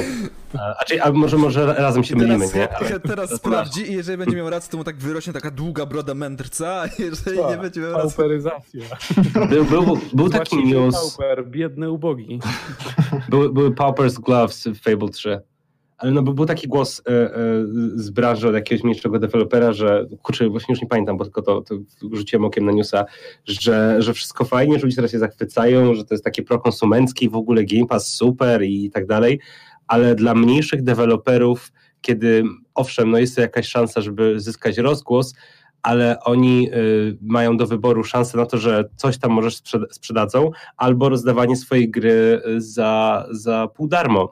Bo, bo chyba jak robiłem kiedyś materiał, jak, Game Pass wchodził w ogóle, e, to skontaktowałem się z jednym z deweloperów i wiadomo, to było takie trochę, że nie, nie może tego, tego powiedzieć, e, ale Nieoficjalnie. ale tak, nieoficjalnie, ale, ale jakby generalnie nakreślił mi obraz taki, że y, ty się jakby dogadujesz jako twórca z, z właścicielem, czy tam z, z usługą, oni jakby rozdają tą twoją grę i dostajesz jakby za to określoną kwotę, tak? No i dla, dla wielu twórców to jest, to jest y, wygodne. Ale nie zdziwiłbym się, gdyby było właśnie dużo mniejszych twórców, dla których to jest takie trochę tak jak y, ze, ze Spotify'em się mówi, nie? że dla, dla wielu twórców to jest super okazja, ale dla tych mniejszych to są po prostu grosze, nie? Tam dostajesz chyba pół, pół, pół grosza za jakieś tam kilkaset odsłuchań, nie?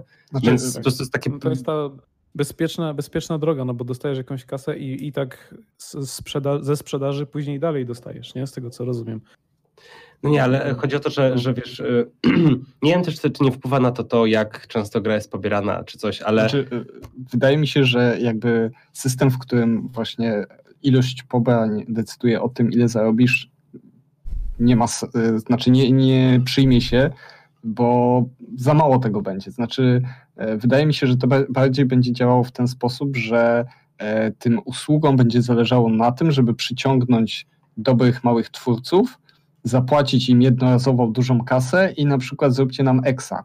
Problem polega na tym, że e, dużo trudniej będzie się przebić tym małym twórcom, nie? Bo, Mhm. nie będą mogli wydać sobie czegoś na Steamie i zdobyć tam popularność, tylko będą musieli przekonać do siebie usługodawcę, że tak, a, No, i to, no. to może być problem. Ja, no tak, ja się, ja się martwię o, o, o małych twórców, bo wiem, że wiem, że mają ciężko, ale też y, sam, sam patrzę po sobie, że przez te dwa, trzy miesiące, jak miałem Game Passa, y, czy, czy w sumie nadal chyba go mam, no, bo to nie, nie odpiąłem, fakt. Ale, ale y, sięgnąłem po grę, którą normalnie bym, bym nie sięgnął, bo było mi albo szkoda y, kasy, albo czasu i nagle boom, Creature in the Well, które gdzieś tam chyba widziałem, widziałem na E3, To jest E, ten e, dungeony, pin, pinbale. tak, tak, tak, tak. I to ma jakieś tam 7 na, na 10, 70 parę procent na meta i tak, no Mhm. okej. Ale totalnie się zakochałem w tej grze. Prosta na parę godzin, fajna mechanika, y, klimat jakiś taki y, bardzo, bardzo mi zalatywał Hyper Light Drifter i, i ja strasznie, strasznie by tak, tak, taki, Fajną taki oprawę ma, no. Taki tak, tak, taka, jak- w sensie, jak gra jest taka depresyjno-mroczna, ale nie smutna, tylko taka, taka melancholijna, że masz taki pusty świat i czujesz taką, taką, taką pustkę, ale jednocześnie jakąś nadzieję. I, i, I wow, zakochałem się w tej grze, a gdyby nie była za darmo, czy tam czytaj za, w, w ramach tej usługi, to bym w nią nie zagrał, bo po prostu szkoda by mi było Mhm. kupować grę, która jakoś tak średnio mnie interesuje. Więc to też jest właśnie też y, jakaś, jakaś szansa z tymi usługami na jakieś takie, jak to się mówi w zachodnich mediach, exposure, nie? Tylko pytanie, czy to, y, czy to będzie fair dla, dla twórców? Nie? Wydaje mi się, że to jest kwestia balansu, czy jakoś wypracowania tego przez platformy na przestrzeni lat. Mhm. Ale się rozgadałem, przepraszam. Ale te, też jedna Bardzo rzecz jeszcze odnośnie e, zarobków właśnie indie twórców, to wydaje mi się, że e, problem może być też taki, że ta branża jest bardzo duża, ale dużo ludzi, i pewnie każdy z nas tak robi czasami, wydaje pieniądze na gry, których nigdy nie odpali, albo odpali je raz i pogra godzinę, ale jest na promocji na przykład, Mhm. nie? I e, jeżeli sobie policzymy, ile ludzie kupują gier, to by nagle się okazało, że nie są w stanie nigdy przejść tych Nie gier. wszystkich, no, no, no. A tutaj, jak są w abonamencie, to już mamy to poczucie, aha, to ja już mam tą grę, więc ja nie muszę jej kupić. Znowu, tak jakbym ją kupił na promocji, znowu jej nie ściągnę nawet, więc Mhm. twórca nie dostanie żadnej kasy i nagle ten ca cała branża jakby y, zmniejsza się ilość tych, y, tych pieniędzy, którą ludzie wydają na grę. Mhm. Z drugiej strony wyrówna to pewnie to te osoby, które będą zapominały o anulowaniu subskrypcji, nie? No, albo, albo takie, takie y, wieloryby, czyli ludzie, którzy po prostu kupują gry, tak? A, nie, bo to jest y, to też jakieś takie ryzyko, że jeżeli ludzie zaczną się przyzwyczaić do tych usług, zmienią się w ogóle ich nawyki konsumenckie e, i nie zdziwiłbym się, gdyby w następnej czy za dwie generacje było tak, że po prostu każda konsola, jeśli jeszcze będą konsole, e, miała po prostu swoją usługę. Czytaj, kupujesz konsolę, kupujesz abonament i, nie ma już w ogóle e, ku- kupowania gier, tak? E, z drugiej strony to, co oczywiście mówił, nie, że, że masz abonament i, i masz tą świadomość, że masz grę, ale też zapominamy często o tym, co też właśnie Netflix jest przykładem, że często gry z tych abonamentów y, wypadają, nie? Ja e, przez pewien czas miałem w Game Passie sobie zagrać w Shadow of the Tomb Raider i on już wyleciał e, i, teraz no, no nie kupię tej gry, a mogę w nią zagrać i jestem zły na siebie, że nie byłem, nie wiem, wystarczająco sumiennym graczem, to jest, to strasznie, strasznie głupie, ale, ale, ale Za tak, każdą tak czuję. grę, której nie przyszedłeś, a wypadnie z Game Passa, musisz nacięcie na skórze zrobić. Albo... Bo Jestem, jestem stratny, tak. Mia miałem coś, a teraz tego nie mam i żeby znowu to mieć, muszę za to zapłacić.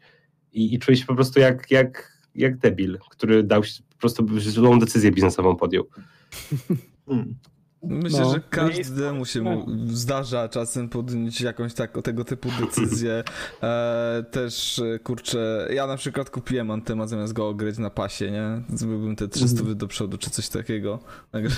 No, trzeba wspierać deweloperów Cruiser. Myślę, że tam... No, jasne, zwłaszcza no, jak tam się sypie wszystko. Ale myślę, że jak y, pasa byś kupił, to też byś wsparł elektroników, nie? Więc... Nie, ale to wiesz, to zupełnie inna kwota. Poza tym jednak ja dochodzę do wniosku, że o ile sam nie jestem jakimś super aktywnym użytkownikiem tych pasów, od czasu do czasu, jak czasem tam gdzieś się pojawi informacja o tym, że znowu Xbox Game Pass, to też jest w sumie warty temat do przedyskutowania. Się pojawi w tej promocji, nie? Płacisz 4 zł, masz 3 miesiące pasa. E, mhm. Jako forma, no nie wiem, e, dotarcia do nowych klientów, nie? Ale mm, e, wracam do tego, że ja sam jednak mam chyba trochę mentalność Jordana, że wciąż jednak mam, może nie potrzeby, ale wolę posiadać grę na własność, niż bawić się w płacenie komuś e, myta za dostęp do e, mhm. gry, mhm. więc jeżeli już coś mnie faktycznie interesuje, to po prostu kupuję ten tytuł. E, mhm. ale też teraz w dobie sprzedawania gier z, na zasadzie, że kup teraz albo preorderuj, a będziesz miał dodatkową zawartość, będziesz miał za chwilę DLC i tak dalej, tak? E, w sytuacji, mhm. gdzie coraz częściej się okazuje, że jednak preordery to jednak nie jest najmądrzejszy pomysł, e, nagle wchodzą abonamenty, które z reguły, przynajmniej w przypadku, jeżeli dobrze pamiętam, EA e Access i chyba w Xbox Game Passie, działa to tak, że jeżeli macie tą, tą, tą lepszą, tą droższą wersję tego pasa wykupioną, to dostajecie dostęp do tych gier ze wszystkimi możliwymi bonusami, jakie istnieją. Tak? I no, nieważne, czy wy kupujecie tego tak pasa pół roku po premierze, czy w dniu premiery, czy przed premierą, a jeżeli kupujecie przed premierą, to w ogóle dostajecie wcześniej dostęp, a to już jeszcze też dyskusja na później. Eee, macie te wszystkie te bonusy, a ja jestem akurat jedną z tych osób, która tam walić na przykład to pudełko już teraz, chyba że jest naprawdę fajna figurka w środku.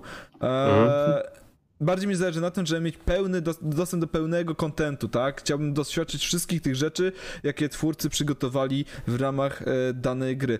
Głównie ze względu na to, że jako ten głównie e, interesuję się RPGami, no to wiadomo, możliwość przejścia tych dwóch dodatkowych zadań dla mnie jest ważniejsza niż na przykład breloczek, prawda?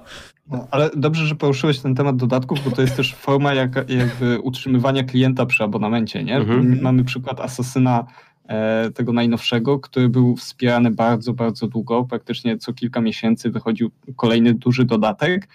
I jeżeli jestem fanem Asasyna i chcę zagrać wszystko, no to właśnie to jest ten pretekst, który sprawia, że po pierwsze nie odsprzedam tej gry, nawet jak mam ją na własność, mhm. przyszedłem ją całą, a po drugie, że na, jeżeli gram w abonamencie, no to staram się przedłużać ten abonament, i cały czas e, mieć dostęp do, do tej gry, żeby właśnie móc odpalić te kolejne dodatki. Nie?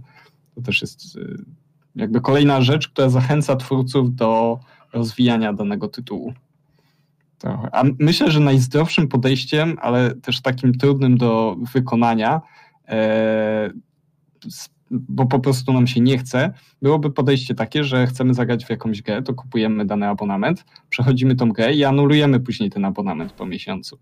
Bo to samo na przykład ja zauważyłem, że e, opłacam Netflixa i tak naprawdę, okej, okay, oglądam raz na jakiś czas tam filmy i seriale, ale zdarzają się miesiące, że wcale nic nie oglądam. Ale hajs leci, nie? A hajs leci, a z drugiej strony nagle patrzę, o, obejrzałbym coś na HBO, ale sobie myślę, ale nie, ale opłacam już Netflixa. Tak naprawdę powinienem anulować Netflixa, kupić sobie HBO, obejrzeć to, co chcę, anulować i po prostu mam ochotę. Te kwoty za ten abonament i tak są przecież dużo niższe niż kupno e, czy to serialu, czy gry, nie? Więc mhm. gdyby to było takie prostsze, że oczywiście twórcom tych usług na tym nie zależy, ale gdyby to był jeden przycisk, że przedłuż, anuluj, to, to myślę, że częściej byśmy no. zmieniali te rzeczy. To jest, to jest, takie właśnie męczące e, odpięcie i też z EA się na tym złapałem, bo, bo w ramach e, E, LAN party ze znajomymi właśnie wykupiłem sobie ten, ten bazowy EA e Access e, tam, żeby pograć w Battlefield 4 i owszem myślałem, że jeszcze pogram sobie w Dead Space czy coś, ale od razu odpiłem, czyli wydawało mi się, że, że kliknąłem, że nie przedłużę abonamentu, ale po kilku dniach tak coś, coś mi nie grało i wracam i faktycznie patrzę, że, że tam moja karta jest podpięta, jest ta opcja włączona. I, i, i musiałem tam gdzieś szukać, naprawdę pogrzebać trochę w, w, w Originie, żeby, y, żeby, żeby to wszystko sobie wyłączyć. No ale nie aż tak właśnie bardzo wracamy. jak trzeba było kombinować przy refundowaniu Warcrafta trzeciego Reforged. No tak. Znowu właśnie wracamy do tego odwiecznego pytania, tak? Czy, czy to jest zrobione po to, żeby e, robić dobrze konsumentom, czy po to właśnie, żeby wykorzystywać, że może jakiś tam procent e, nie zwróci uwagi? Może Nie no jasne, to na bank jest zrobione też tak, żeby utrudnić jednak odpinanie tych kart. nie jest tak, zrobione... Żeby nie chciało. Tak, nie? jedno- znaczy No, to jest jakby- zrobione na tyle inteligentnie, że to nie jest takie po chamsku, no teraz sobie spróbuj to odpiąć, nie? Bo to było takie no już zbyt w twarz rzucone, ale z drugiej strony y, dużo prościej jest rozpocząć, i to nie jest przypadek, że dużo łatwiej jest rozpocząć abonament niż go potem Tak. zakończyć. W taki sposób, żebyś miał pewność, że jak go teraz od zakończysz w ten sposób, to przypadkiem nie stracisz dostępu już w tym momencie, tylko na koniec tego okresu rozliczeniowego, ale żeby jednak Mhm. na kolejny okres rozliczeniowy z automatu ci nie naliczyło kolejnej opłaty, nie? E, Te- Też ciekawą rzecz porusz- poruszył na czacie Leotar, że wspomniał o tym, że inaczej to wygląda na konsolach i na PC-tach, bo na konsolach oczywiście mamy tą fizyczną kopię, którą możemy odsprzedać i tak dalej, ale to jest ciekawe, że my teraz rozmawiamy tutaj o streamowaniu, o abonamentach i tak dalej, a pamiętacie ten moment, jak Xbox zapowiedział, że oni Pamiętamy. że nie, nie będzie można odsprzedawać gier na Xboxa i podniósł się wielki lament, o mój Boże i tak dalej. W zasadzie zapowiedział Game Passa, Zanim zanim wystartował Game Pass. Dokładnie i to pokazuje, Geniusz. wystarczyło, że zrobiliby to, nie wiem, dwa lata później, nie? I nie byłoby żadnego problemu. Było jako Teraz opcja. dla nas to jest oczywiste, Tak. tak. Ale zabawne, A wow. wtedy to było, no, tragedia, no, koniec Bo- bo świata. je- Jeśli ktoś nie pamięta ze słuchających, to chodziło o to, że na jednych z targach, kiedy zapowiadali nowe konsole, e, Xbox zapowiedział, że będzie taka usługa, że nie będzie, że będą gry przypisane do konta, będzie się można nimi dzielić w ramach jakiejś tam rodziny ograniczonej, ale nie będzie po, można pożyczać właśnie płyt, tak jak e, na klasycznych konsolach, że płytę wkładasz do konsoli, gra działa niezależnie od, od, od tego, kto ją uruchomi.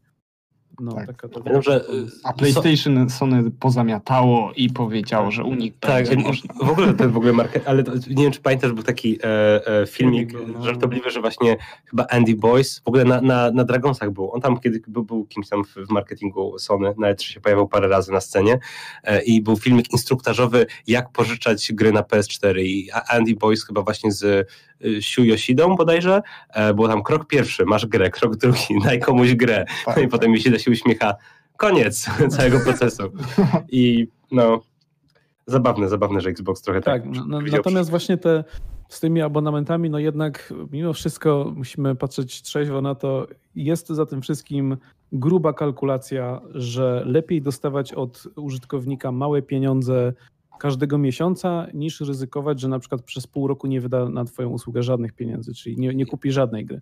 Albo na przykład uświ- uświadomi sobie, że y, ma tego Xboxa, nie kupił żadnej gry od pół roku i po co mu ten Xbox i go po prostu sprzeda, nie? mm. Dokładnie, więc jakby niestety za tym wszystkim, znaczy niestety, za tym wszystkim jest kalkulacja, ale jakby ten, w tym momencie ten Game Pass jest, y, jest jakby na przykład atrakcyjną bardzo usługą i rzeczywiście wiele gier można, można pograć w niego y, dzięki temu. Natomiast dla mnie jest sz- szerszy problem tego, że wszystkie branże i wszystkie usługi przechodzą teraz na ten abonament i o ile jeszcze tam, nie wiem, dwa lata temu opłacałem tam dwa, dwa abonamenty, to teraz opłacam chyba sześć czy osiem, bo jest Spotify, A, bo jest tak jakoś. Netflix, bo jest y, tam, nie wiem, HBO. Teraz HBO wystartuje z nową usługą, prawda? Są te abonamenty growe. Adobe Premiere do montowania opłaca się przy pomocy abonamentu. Office Spotify. tak samo. Office, tak. Ostatnio był na przykład Spotify, tak, ale był też ostatnio jest taka firma Red Giant, która produkuje efekty specjalne do właśnie obróbki wideo i oprogramowanie do obróbki wideo, różne takie dodatki, pluginy i ich pluginy kosztowały na przykład po 800 dolarów albo po 700 dolarów. Kupowałeś, miałeś ten plugin i później jak wychodziła nowsza wersja, to trzeba było zrobić upgrade tam za połowę ceny na przykład. I ostatnio odpalili też usługę abonamentową za bodajże tam 800 czy 900 dolarów rocznie, ale i tak jakby i tak jest to, i tak wydaje ci się, że jest to opłacalne bardziej niż wykupienie każdej, każdego efektu osobno. E, Tylko no właśnie jest, to, jest ten problem, że w tych jakby w szerszej perspektywie nie do końca to jest, znaczy z jednej strony z punktu widzenia ekonomicznego nie jest to opłacalne, bo jeśli byś, jeśli bym na przykład ja 5 lat temu kupił w, a, a, wersję premiera e, do, monta- do programu do montażu, e, jaka wtedy była, to mógłbym na niej do dzisiaj teoretycznie pracować. Nie dostałbym oczywiście tych aktualizacji wszystkich, które są w ramach abonamentu, ale za tą cenę mógłbym pracować i prawdopodobnie ten abonament, który opłaciłem, to mógłbym kupić nowszą wersję premiera i jeszcze bym lepiej Wyszedł wyszedł na tym niż, niż, niż płac, opłacając cały czas abonament. Natomiast właśnie to jest ta pułapka tego abonamentu, której nie widać w krótkiej perspektywie i, dla, i z powodu której Microsoft też może sobie szafować teraz, że, że, że robi te wszystkie promocje, żeby op- opłacać, e, dawać te abonamenty za 4 zł. Wiadomo, że jak wyjdzie nowa konsola i na tej konsoli tam będą zarabiali na tym abonamencie prawdopodobnie e, i tam, tam, tam e, to, to już pewnie będzie wyglądało inaczej. A wiecie, co mi to zimna przypomina? kalkulacja. To, co mówiłeś o tych wszystkich abonamentach, czy nie przypomina wam to podatków? No tak. Że tam to, są, jest to jakaś forma Tak. komercyjnych podatków, czy to od kultury, czy No, to od jakich podatek od narzędzi, że płacisz. I No, i tak samo mamy przecież z podatkami, że też płacimy te podatki, ale w pewnym momencie już zatraciliśmy w ogóle wiedzę, e, ale na co te podatki Mhm. idą, co oni z nimi robią, za co my je płacimy, nie? Lepiej się tego tak nie tego wygląda podobnie. imprezy można popaść. Tak. że, że komercyjne firmy wpadły na pomysł, hmm, może... Z, Zarabiajmy jak państwa. rzeczy, co, dokładnie, nie? Będziemy Stwórzmy i mieli- potem krok właśnie- do- kolejny będzie stwórzmy własne państwa i cyberpunk nagle wchodzi w tle soundtrack.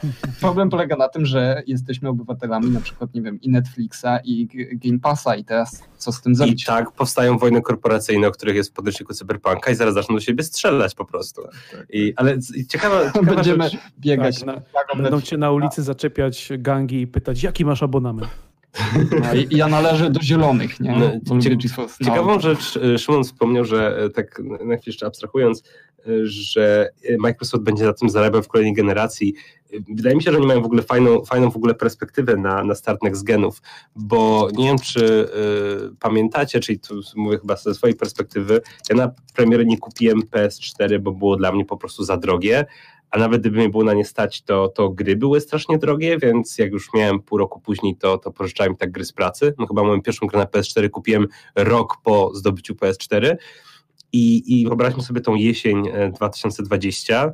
E, Załóżmy ktoś, kto, kto mniej zarabia, wydaje te 2000 parę złotych i są gry po, po 200-300 złotych, duże. A Xbox wchodzi, halo, nawet mam za czwórkę wszystko, chodź, masz tutaj wszystkie eksy, wszystkie, wszystkie, czy- nie wszystkie, ale No bardzo jest- dużo tak. y, launch titli, wiesz, Wszystko za 0 złotych. oryginalne. Ale co pokazuje? Mega ciekawe, dlatego że zawsze konsole nie zarabiały na, znaczy zarabiały trochę na sprzęcie, ale nie, były takie, które traciły na sprzęcie, a zarabiały na Na grach. grach. Wii U no. na przykład. Tak. Czy będą zarabiali na abonamencie, czy będą na sprzęcie nie będą zarabiali raczej, bo, bo, bo on jest To jednorazowy wydatek i koniec. Ale właśnie to jest to, wracamy do? Są, tego, no. co mówiliśmy na początku tej, tej czy może chwilę, chwilę przed e, podcastem, e, tej odwiecznej e, taktyki biznesowej, e, żletki i, i, i maszynki, nie? Jak z drukarkami, kupujesz tanią drukarkę, ale zarabiasz na, na, na tonerze. I wiesz, jeżeli Chyba, że bawisz się w napełnianie we własnym zakresie. O, no tak, można, można i tak, piwnicy. zachęcam. Ale, ale no, wyobraź sobie, że, że kupujesz tanio konsolę e, i jakby to jest konsola, żeby mieć ten abonament. I jeżeli e, ten abonament będzie tak, tak duży, będzie tak jakby wpisany w, w nazwijmy to, esencję, w tożsamość e, tego, tego sprzętu e, i, i będziesz miał pewność, że konsument i tak, i tak będzie, będzie, wiesz, płacił, będzie z tym związany, to, to to by była jakaś perspektywa na przyszłość. Nie, że sprzedajesz po prostu dekodery, o, nazwijmy to Mhm. dekodery do gier za grosze, No. czy nawet jak zakładając kablówkę dostajesz dekoder za darmo, ale ty jak już go masz, to będziesz za tą kablówkę płacił. Ale tak? to tutaj y, dodajmy sobie to, co rozmawialiśmy na 6 będzie początku. za darmo. Czyli streaming, nie? Tak naprawdę streaming nie wymaga od ciebie nic, Mhm. oprócz ekranu, który coś tam zainstalujesz, nie? Czyli no, taka jest pewnie przyszłość, tak mi się wydaje, że ale tutaj znowu wracamy też do tego, bo GeForce Now ok, jest fajny, pozwala ci grać na, na różnych e, kopiach, ale nie pograsz sobie na przykład w The Last of Us 2, nie? I tutaj właśnie to będzie fajne, że walka między tymi wszystkimi e, usługami będzie głównie o unikalne treści, Tak. które będą sami robić i M- może nawet będą powstawać treści, które by Nigdy kiedyś nie po- powstały, jest nie? Cieka- no teraz na Netflixie widziałem trailer e, Lock and Key, adaptacji takiego Mhm. komiksu, który czytałem lata temu i kiedyś on mi się podobał, ostatecznie słabo się skończył, ale to, to nie komiks. No, ale- takie. ale, ale miałem takie, wow, jeszcze, jeszcze parę lat temu, kiedy nie miałem Netflixa, nie wiedziałem, że on istnieje, nie pomyślałbym, że to będzie miało swoją, swoją własną serię, tak? Więc jeżeli e, e, widzimy tą przyszłość, gdzie jest kilkanaście różnych tych usług i tak dalej, e, zmierzamy do tego, co żartowałem z Grześkiem w materiale o, o Epiku i, i, i o Steamie, kiedy e, dostęp do, do gier jest, jest, jest tani i te, te różne e, platformy walczą ze sobą, to wracamy do takiego renesansu właśnie, gdzie są mecenasi sztuki i artyści po prostu się mogą rozwijać, a ci mecenasi po prostu, wiesz, na, na imprezach zapraszają do siebie i po prostu się, wiesz, pałują, kto ma, kto ma lepszych tak, artystów i, u siebie. nawet nie chodzi wtedy... Czyli komunizm, żeby... tak? Wraca. nie, nie, tylko nie to. Ale jest też... Przypomniał mi się, wiesz, taki kiedyś oglądałem, e, oglądałem kiedyś taki program dokumentalny o animacji w mhm. rosyjskiej i tam był taki gość, taki bardzo stary, stareńki pan, który jest animatorem 70 lat czy tam ileś i on mówi, że kiedyś za komunizmu było super, ponieważ był minister kultury, minister kultury mówił, macie tyle i tyle pieniędzy, pracujcie nad sztuką i mogłeś robić co chciałeś. Oczywiście musiałeś unikać cenzury, ale mogłeś robić co chciałeś a teraz jest komercja, czyli przychodzi do ciebie inwestor i mówi, e, co, co, ty, co ty będziesz robił, jeśli no, coś będziesz robił, to to się no. musi sprzedać, to się musi sprzedać i masz robić to, coś, co się sprzeda.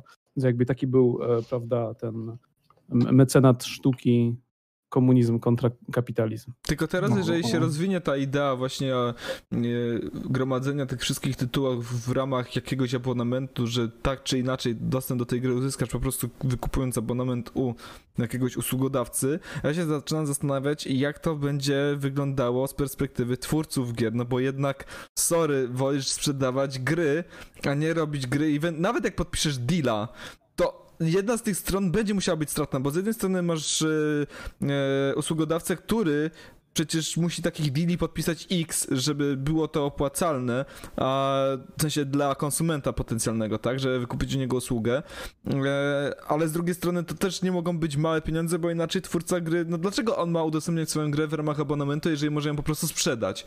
A jeżeli to będą duże pieniądze, to jeżeli takich umów będzie du wystarczająco dużo, to nagle ta e, usługa abonamentowa nie będzie opłacalna z kolei dla usługodawcy. No, zastanawiam się, gdzie to, jak, jak to się w ogóle ma w, w jakaś taka e, wyklarować granica. Z drugiej strony, jeżeli e, abonamenty będą takim e, way to go dla wszystkich, to czy to z kolei twórcom nie będzie zależało na tym, żeby za wszelką cenę się znaleźć w ramach jakiegoś popularnego abonamentu, tylko wtedy z kolei to usługodawca ma tą przewagę w negocjacjach, tak? I będą mhm. znowu wracały stawki, które są no chore dla y, i niespółmierne do czasu tworzenia takich tytułów i czy to się czasem w końcu ostatecznie nie odbije znaczy, na jakości tych gier, nie? Jest taka wizja jakby tego, że ten pojedynek, który jest obecnie między Netflixem, HBO, Disneyem i tak dalej, że to doprowadzi dochodzi do krachu, bo e, w tym momencie wszystkie te firmy zakładają, że ok, inwestujemy w tym momencie, pokonujemy konkurencję, później zarabiamy dopiero. I nagle wszyscy inwestują, wszyscy tworzą nowe seriale, nowe filmy i tak dalej, mhm. ale wydają dużo więcej niż zarabiają. I jak przyjdzie co do czego, to nagle, jeżeli połowa z tych e, usług zbankrutuje, to połowa twórców nagle straci zajęcie, nie? Mhm. Bo bo jest, jest teraz popyt, jest teraz e, kasa na to, ale to wszystko może upaść. I no niestety tak to działa w rynku, że na, na rynku, że po jakimś czasie jednak wszystko się e, stabilizuje. Albo zysk, albo upada. I no, no. no, to samo może dotyczyć gier, nie? Bo teraz Netflix sobie może pozwolić na to, żeby, nie wiem, e, opłacać jakichś tam właśnie niszowych twórców, żeby stworzyć coś, co, o czym będzie głośno, ale niekoniecznie będzie to popularne. Ale czy tak będzie za 5 lat? No, może być inaczej. Myślę, że raczej niepokojące jest tutaj to, że e, w ogóle ciekawy argument dałeś, Kwisiu, przypomniałeś nam w ogóle trochę, że Disney, istnieje Disney e, ze swoją platformą, bo ja w ogóle e, jakby nie, nie, nie interesuję się nią, ale, ale chyba wiem, że w Stanach właśnie jeszcze jest Amazon, jeszcze jest Hulu i, i chyba coś tam jeszcze. I jak masz tak dużo tych usług, no, ja mam, ja mam dwie. Mam HBO i Netflixa i dla mnie to jest wystarczające. Owszem, czasem mi wkurza, że czegoś nie mogę obejrzeć, no ale, ale trudno, szkoda mi kasy na, na trzecią. E, no właśnie, szkoda mi na, na trzecią usługę. I, I właśnie nie zdziwiłbym się, gdybyśmy za parę lat doszli do takiej sytuacji, czy to mówimy o grach, czy o filmach, gdzie jest kilka, jeśli nie kilkanaście takich właśnie y, y, usług i one są tak strasznie rywalizują ze sobą, że ty po prostu jako konsument świrujesz, bo załóżmy interesuje cię pięć seriali, jeden jest tu, drugi jest tam, trzeci jest tu i, i po prostu zamiast, wiesz, mm, e, e, wybierać, to po prostu będziesz miał dość i wrócisz do, do piracenia. Takiego Znaczy ja nie mówię o sobie, ale, ale nie bo widzisz, to, to jest to. Mm, ostatnio o tym gadaliśmy e, w pracy pod kątem robienia jakiegoś filmu i, i, i wykorzystywania tego, tego, tego w montażu, e, że, że są na przykład niektóre filmy popularne, czy niektóre serie, których w Polsce nie możesz obejrzeć, bo są tam problemy z, z regionem i tak, Tak. dalej. I co wtedy robi statystyczny Polak? Statystyczny Polak myśli, o cholera, mam 3-4 usługi, akurat tej nie obejrzę, co teraz począć? No, zawsze wygrywa rozwiązanie najprostsze. Dlaczego Spotify wygrał e, e, e, tą, tą walkę z, z, no w sumie jeśli chodzi o, o, o, znaczy zmienił w ogóle branżę muzyczną, płyty i, i trochę zabił piractwo, bo to było wygodniejsze. Wygodniejsze był Spotify dla, dla zwykłych ludzi niż robienie tych nielegalnych rzeczy.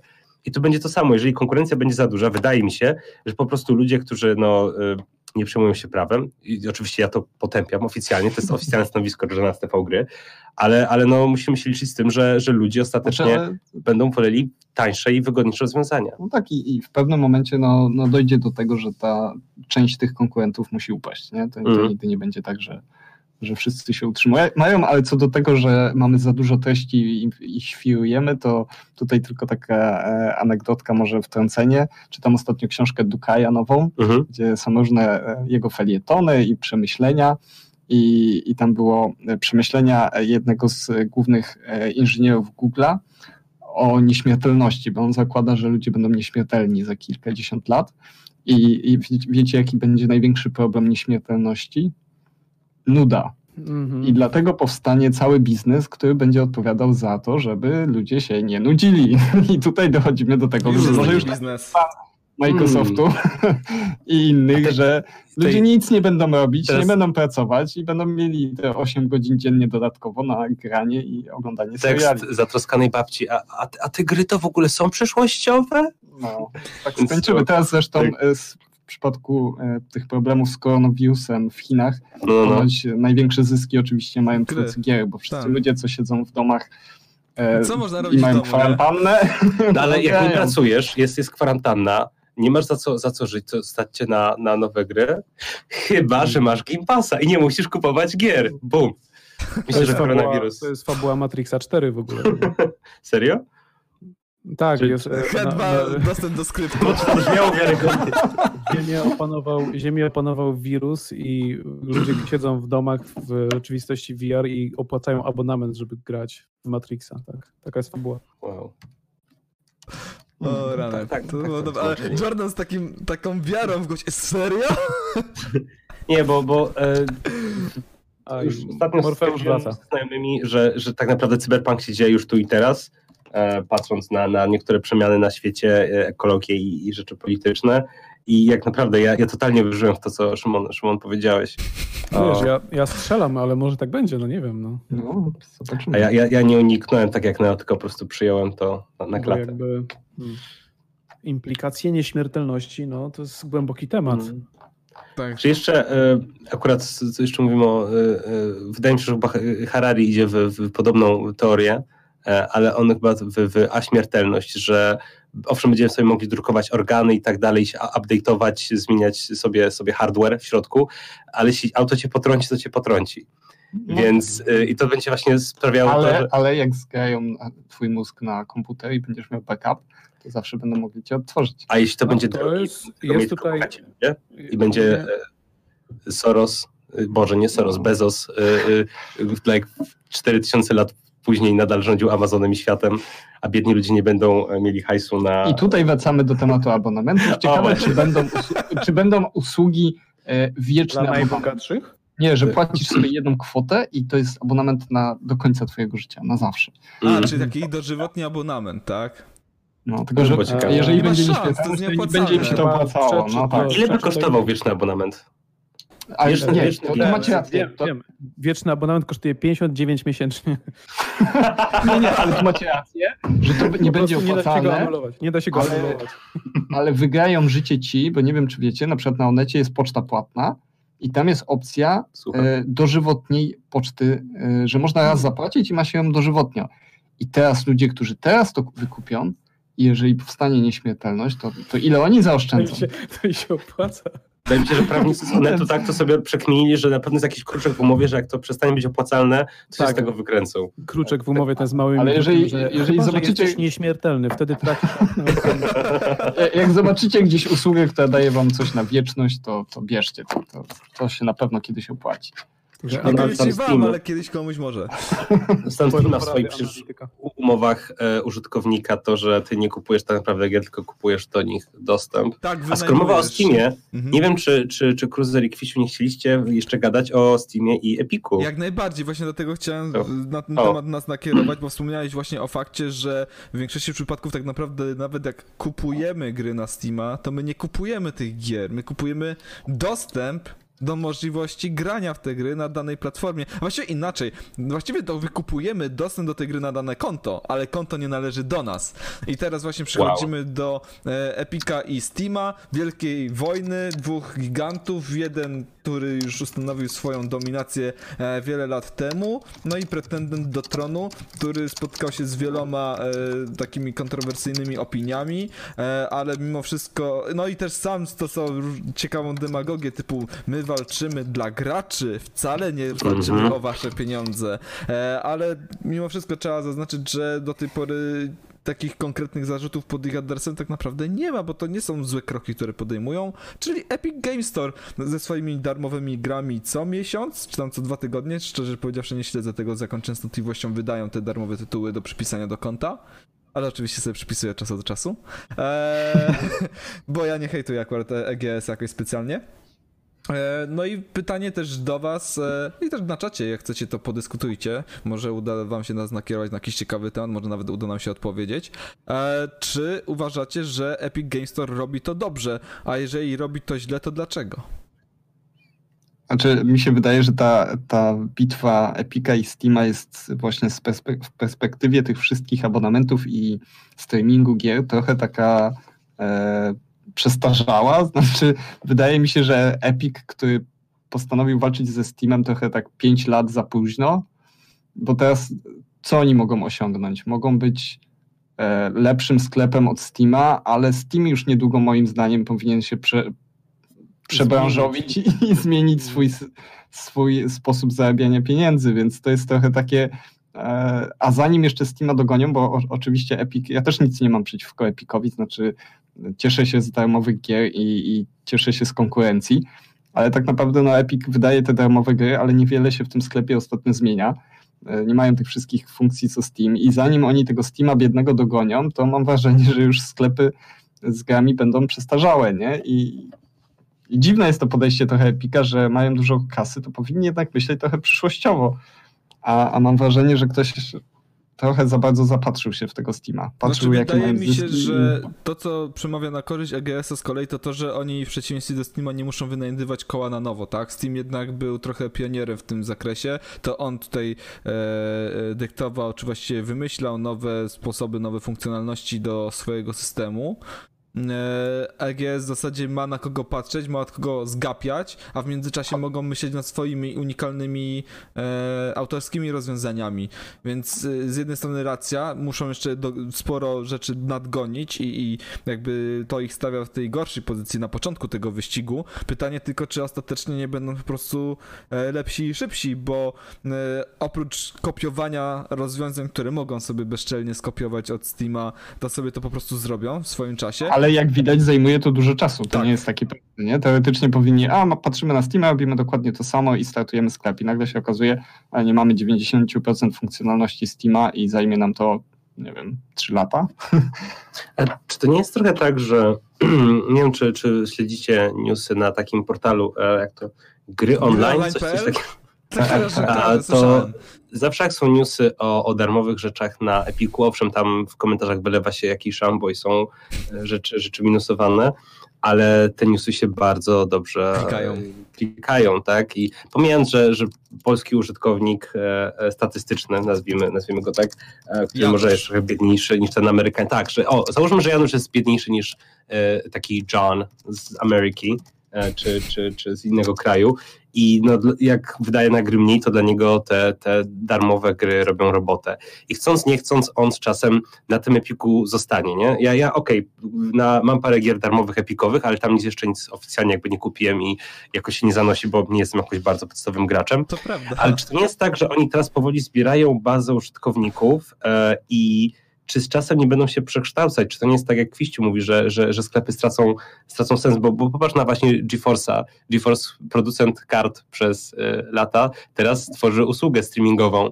I czy to nie jest tak właśnie, że, że Epic po prostu zbiera ludzi, żeby już mieć tam ludzi, jak będzie się przekształcał w coś Może, innego? To znaczy, jak popatrzy się na te darmowe gry, to jest to trochę taki PlayStation Pla- Plus, tylko nie nazwany jako abonament, nie? Mhm. Że, że dostajecie gry, ale musicie je odebrać w konkretnym przedziale czasu, bo jak nie, no to je stracicie, nie? No i jest masz to, masz no. to FOMO, nie? Więc wracasz, wracasz, wracasz, bo, bo Ale to jest czy to? Przyzwyczajenie No, użytkownika do zaglądania tam, Znaczy, tak? Do korzystania No, z tej platformy. Tak, wydaje mi się, że te darmowe gry to, to oczywiście są głównie po to, żeby zrobić szum wokół tego Epika, tak jak mówicie i to jest Niskim kosztem wbrew tych- pozorom. Niski...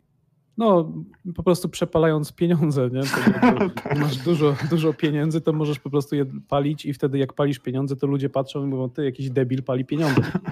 A wbrew pozorom nie mi jest tak łatwo to- palić y, dobrze pieniądze. no. Dokładnie. I jakby wypowiada się jako ekspert.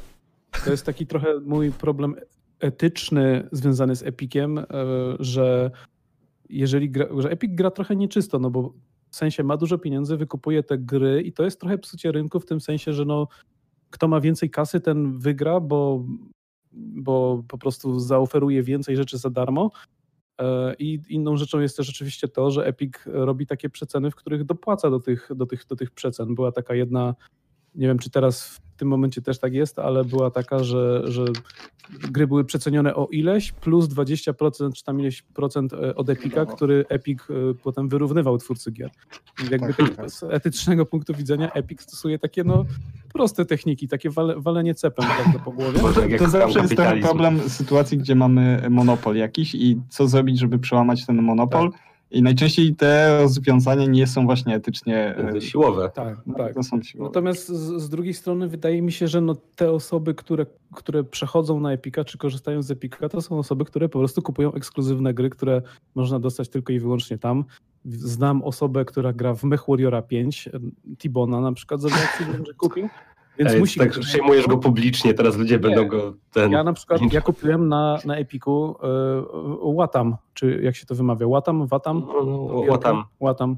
E, Kupiłem na przykład też Manifold Garden, czyli jakieś takie kupuję tytuły, które tam wyszły, które mnie interesowały i, i, i gdzie indziej ich, ich nie można było jakby dostać. Łatam był na PS4, nie? Ja No tak, na są- PS4, są- tak, tak. No ale nie, na PC tak to E, chyba nigdzie. Nie wiem o jaką grę wam chodzi, ale wpisałem w Google Watam gra i wyskoczył mi sklepik z watą cukrową. To, to jest właśnie to, to pasuje do tego.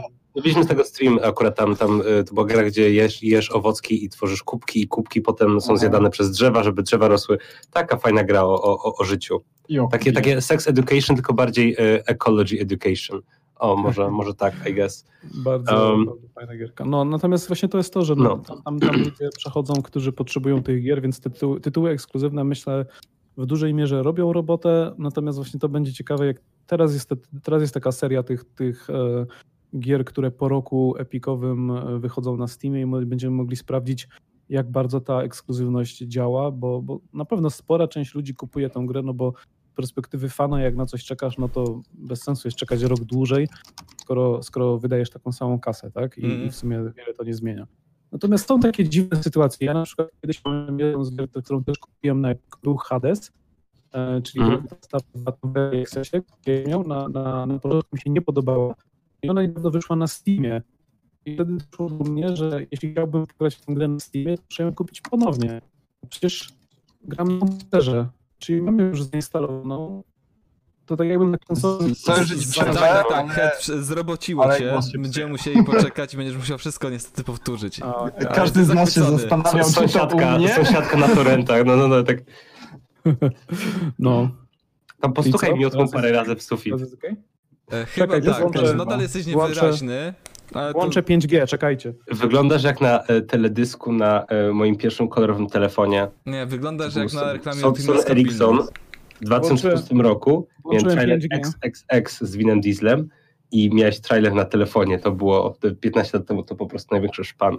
Właśnie teraz Szymon, przypomniałeś mi te piękne czasy Tak, swoim, swoim rozpikselowanym wizerunkiem. super. Teraz mnie słychać? Tak, nie widać cię, Tak, tak, słychać, więc... E, Mówiłeś, mówiłeś o Hadesie, że, że, że kupiłeś go na Tak. Epiku Kupiłem, i co dalej? kupiłem Hadesa na Epiku na premierę, nie spodobał mi się, więc e, przestałem w niego grać. I potem po jakimś czasie wyszedł też na Steamie i pomyślałem sobie, że pogram sobie na Steamie, bo, żeby kontynuować. I wtedy właśnie doszła do mnie ta, ta absurd tej sytuacji, że nie mogę w niego pograć na Steamie, bo mam go na Epiku i to jest takie bez sensu, z- wiesz, mam zainstalowaną grę na komputerze i nie mogę w nią pograć na Steamie. To, Mhm. to, nie wiem, to jest dla mnie takie, takie nie, nielogiczne z perspektywy użytkownika, wieloletniego użytkownika PC-ów, Mhm. że mam zainstalowaną grę i nie mogę jej uruchomić, ale to w sumie już było wcześniej, bo był Uplay i, i różne takie, takie usługi. Mhm. E, Trzeba było weryfikować jakoś, e, gdzie, gdzie w to grasz. Tak, w ogóle Uplay, o którym w ogóle nie wspomnieliśmy, również ze swoim O. abonamentem przecież, e, w ramach którego mamy dostęp do wszystkich gier e, bez wyjątku od, Uplay, od. Ubisoftu i również przyszłe e, premiery, podczas gdy pozostałe tutaj dostępne abonamenty, czyli Xbox, Xbox Game Pass, EA Access i tak dalej, to są jednak e, abon- abonamenty, w ramach których mamy dostęp do ograniczonej puli gier, tak? Znaczy tutaj nie, nie, nie, nie, bo to wygląda tak, że w większości tych abonamentów masz dostęp do wszystkich gier tego wydawcy. Mhm. E, To samo jest w, w przypadku elektroników, to jest Origin Access i Origin e, Premier. I w premierze masz dostęp do wszystkich ich przyszłych też tytułów. Mhm. E, Tak, zaraz no, to jest ta droższa wersja, tak.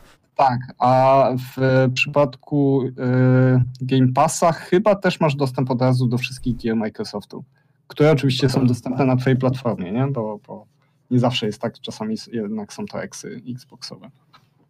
No właśnie. Chociaż teraz już chyba wszystkie mają wychodzić na obu platformach, nie jestem pewien. Czy z, z tego co, aha, bo mówimy o tym, że, że y, na, w różnych Game Passach różne rzeczy wychodzą, tak? Tak, no znaczy, że e, Cruiser wspomniał, że na Uplayowym, e, na Uplayu mamy wszystkie gry Ubisoftu, nie? Z, z, z, z Game Passem to jest tak, że, że chyba to jest tak, y, możesz kupić Ultimate na obydwie platformy, y, osobno Xboxowy i osobno PC-towy. No, z Tak, natury ale rzeczy, jak- w są PC-towe gry RTS-y, których no, nie masz po prostu na Tak, tak, konsoli. ale jak tak? wychodzi jakaś nowa gra Microsoftu, to ona chyba jest od razu dostępna też w Game Passie, nie? Tak, tak, tak. Tak tak. No, tak mówili, że tak będzie. Tak, tak. Z Outer Worlds też tak było, że, że ona tak. był, był, Więc jakby oni oczywiście te swoje gry, które sami wydają, to, no, Wydają to do tego pasa. kosztuje?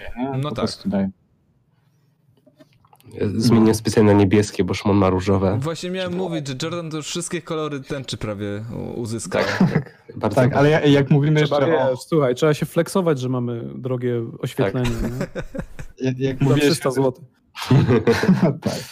Jak mówiłeś chyba o tym, że nie mogłeś sobie zagrać w swoją grę, to pamiętam jak e, byłem w liceum i właśnie wychodził, nie wiem czy to było w przypadku Half-Life'a, chyba Half-Life'a dwójki, jak Steam jeszcze raczkował. No. Pamiętam jakie było wielkie oburzenie mojego kolegi z liceum, że, że on nigdy tego nie zainstaluje, bo Tak, to traci własność. A teraz I- ma i- jak zmienia się perspektywa, nie? Tak. No. Znowu No. cię het trochę przerywa i trochę... Tak, Head, head teraz cosplayuje w ogóle te y, gadające głowy ze StarCrafta. Y, Head e, GeForce Now działa lepiej niż ty. Ja już nic nie mówię. Nie, bo za mało chwalił GeForce Now i po prostu zhakowali, zhakowali nam tą, tą transmisję.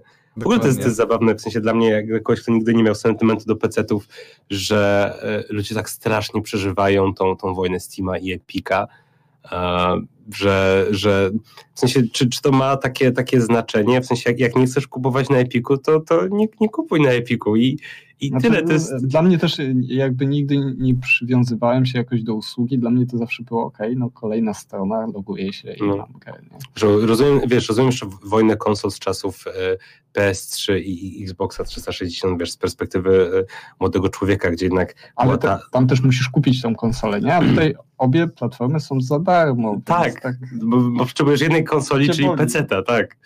A, więc myślę, Wiesz, że to jest jakby no. głębia tego pro problemu leży w tym, że nikt, kto dużo siedzi na PC-cie, nie lubi, jak jest w tle odpalonych za dużo programów. I jak Tak, widzisz tam na jest to. pasku takie, że masz tam 40 programów, to myślisz sobie, o nie, to mi Ale dlatego- będzie słabo chodził. Dlatego Mhm. e, Windows przecież chowa ci te w ikonkach i dopiero O nie, nie, jak jest, strzałkę.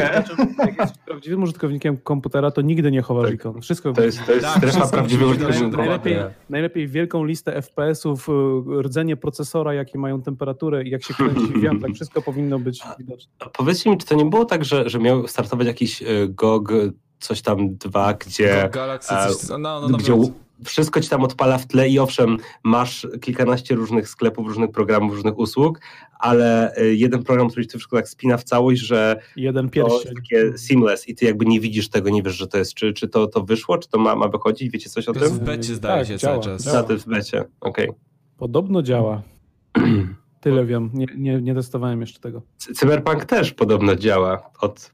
Będzie, będzie działał tylko na tej, na, tej, na tej karcie zapowiedzianej przez Nvidia specjalnej. Tak. Tak, będziesz przy- Także macie tylko Cyberpunk. 77 sztuk do zdobycia, jak chcecie zagrać w Cyberpunka, to powodzenia. No. Tylko teraz właśnie pytanie, bo y, słyszałem, że, że z Cyberpunku PC-owym y, możesz kupić Steelbooka, ale w środku jest kod. I teraz ciekawe, czy, czy GeForce Now też będzie miał swojego Steelbooka. Bo, bo wiem, że wiem, że wersje konsolowe mają cztery różne Steelbooki w zależności od tego, w jakim sklepie kupisz. Sorry, Aha, pięć, okej. pięć różnych.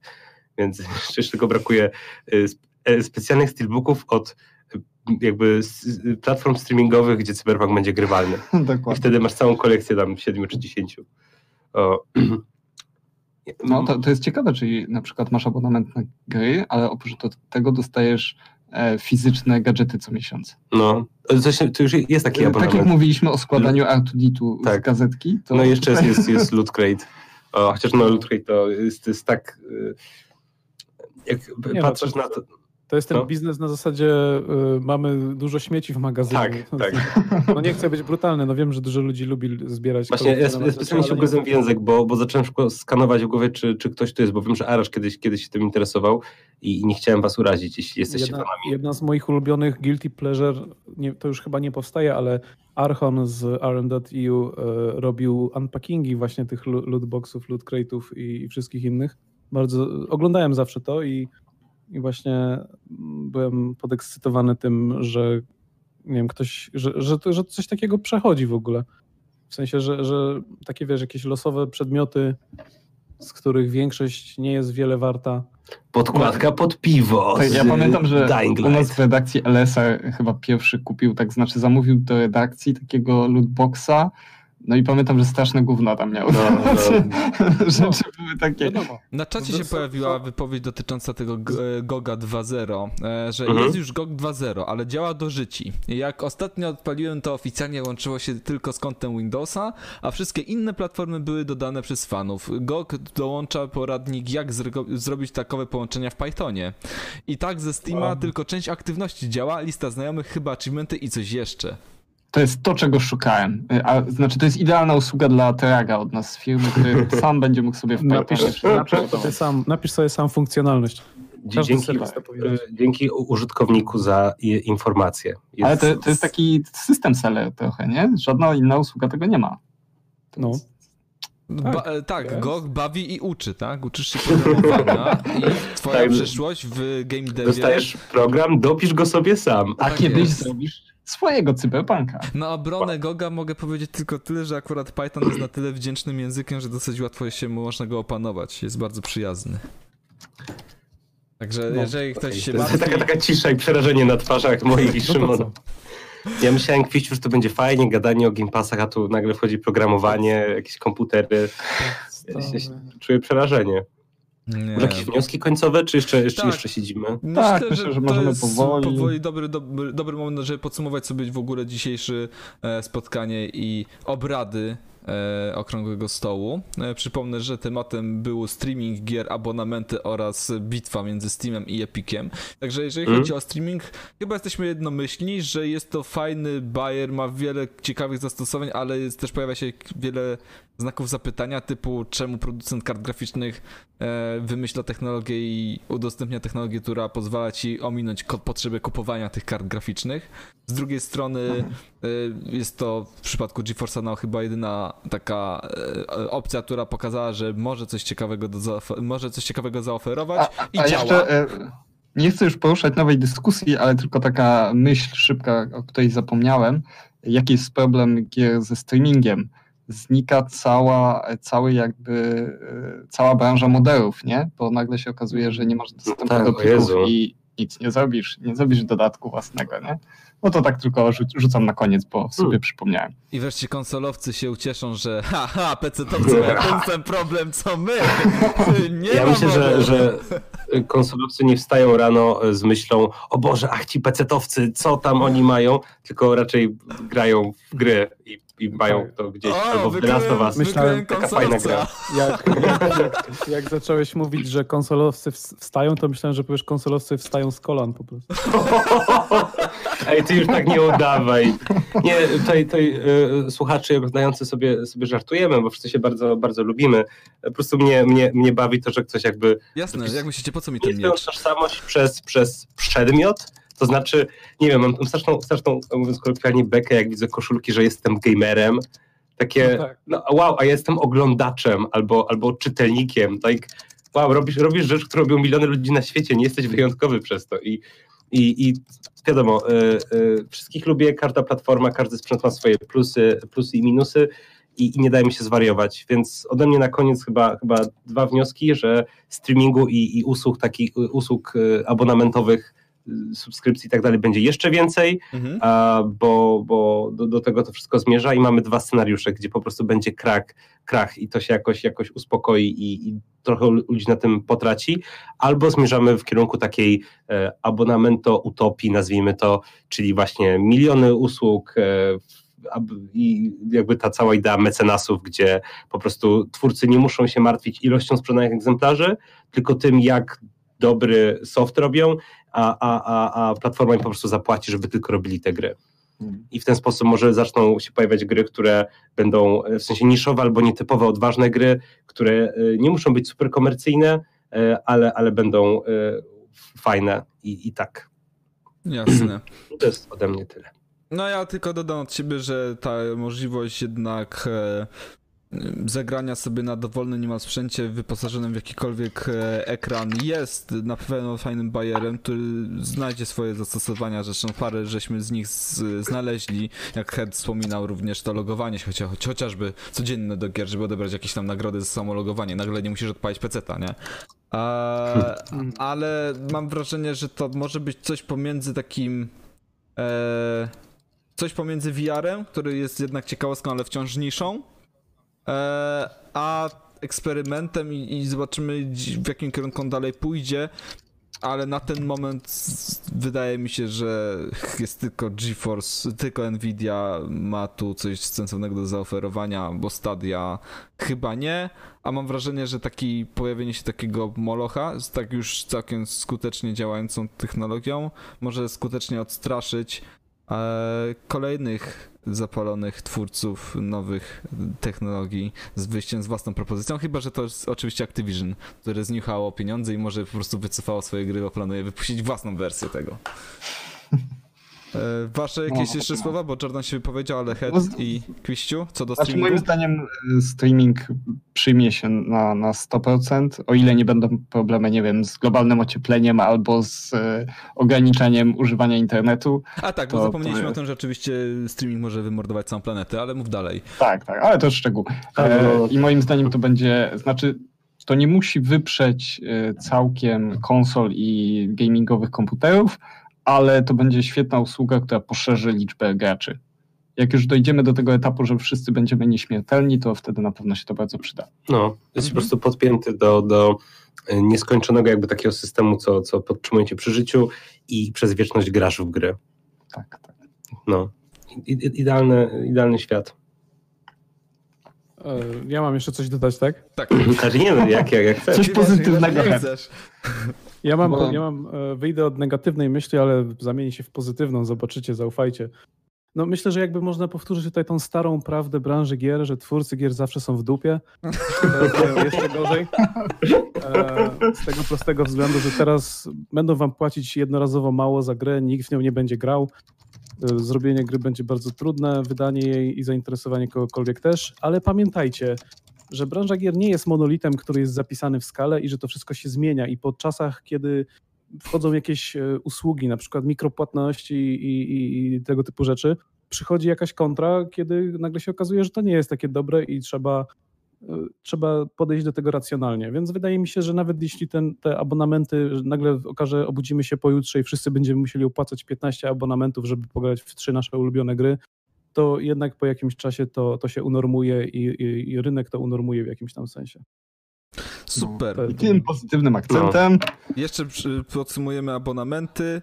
Czy uważacie, że to jest teraz way to go, czy jednak e, ludzie pozostaną przy zakupowaniu tych tytułów na własność? Jeżeli już mówimy o tym, że posiadasz własną, własną sprzęt i e, masz do wyboru albo kupujesz grę, albo kupujesz abonament, w ramach którego jest dostęp do tych gier.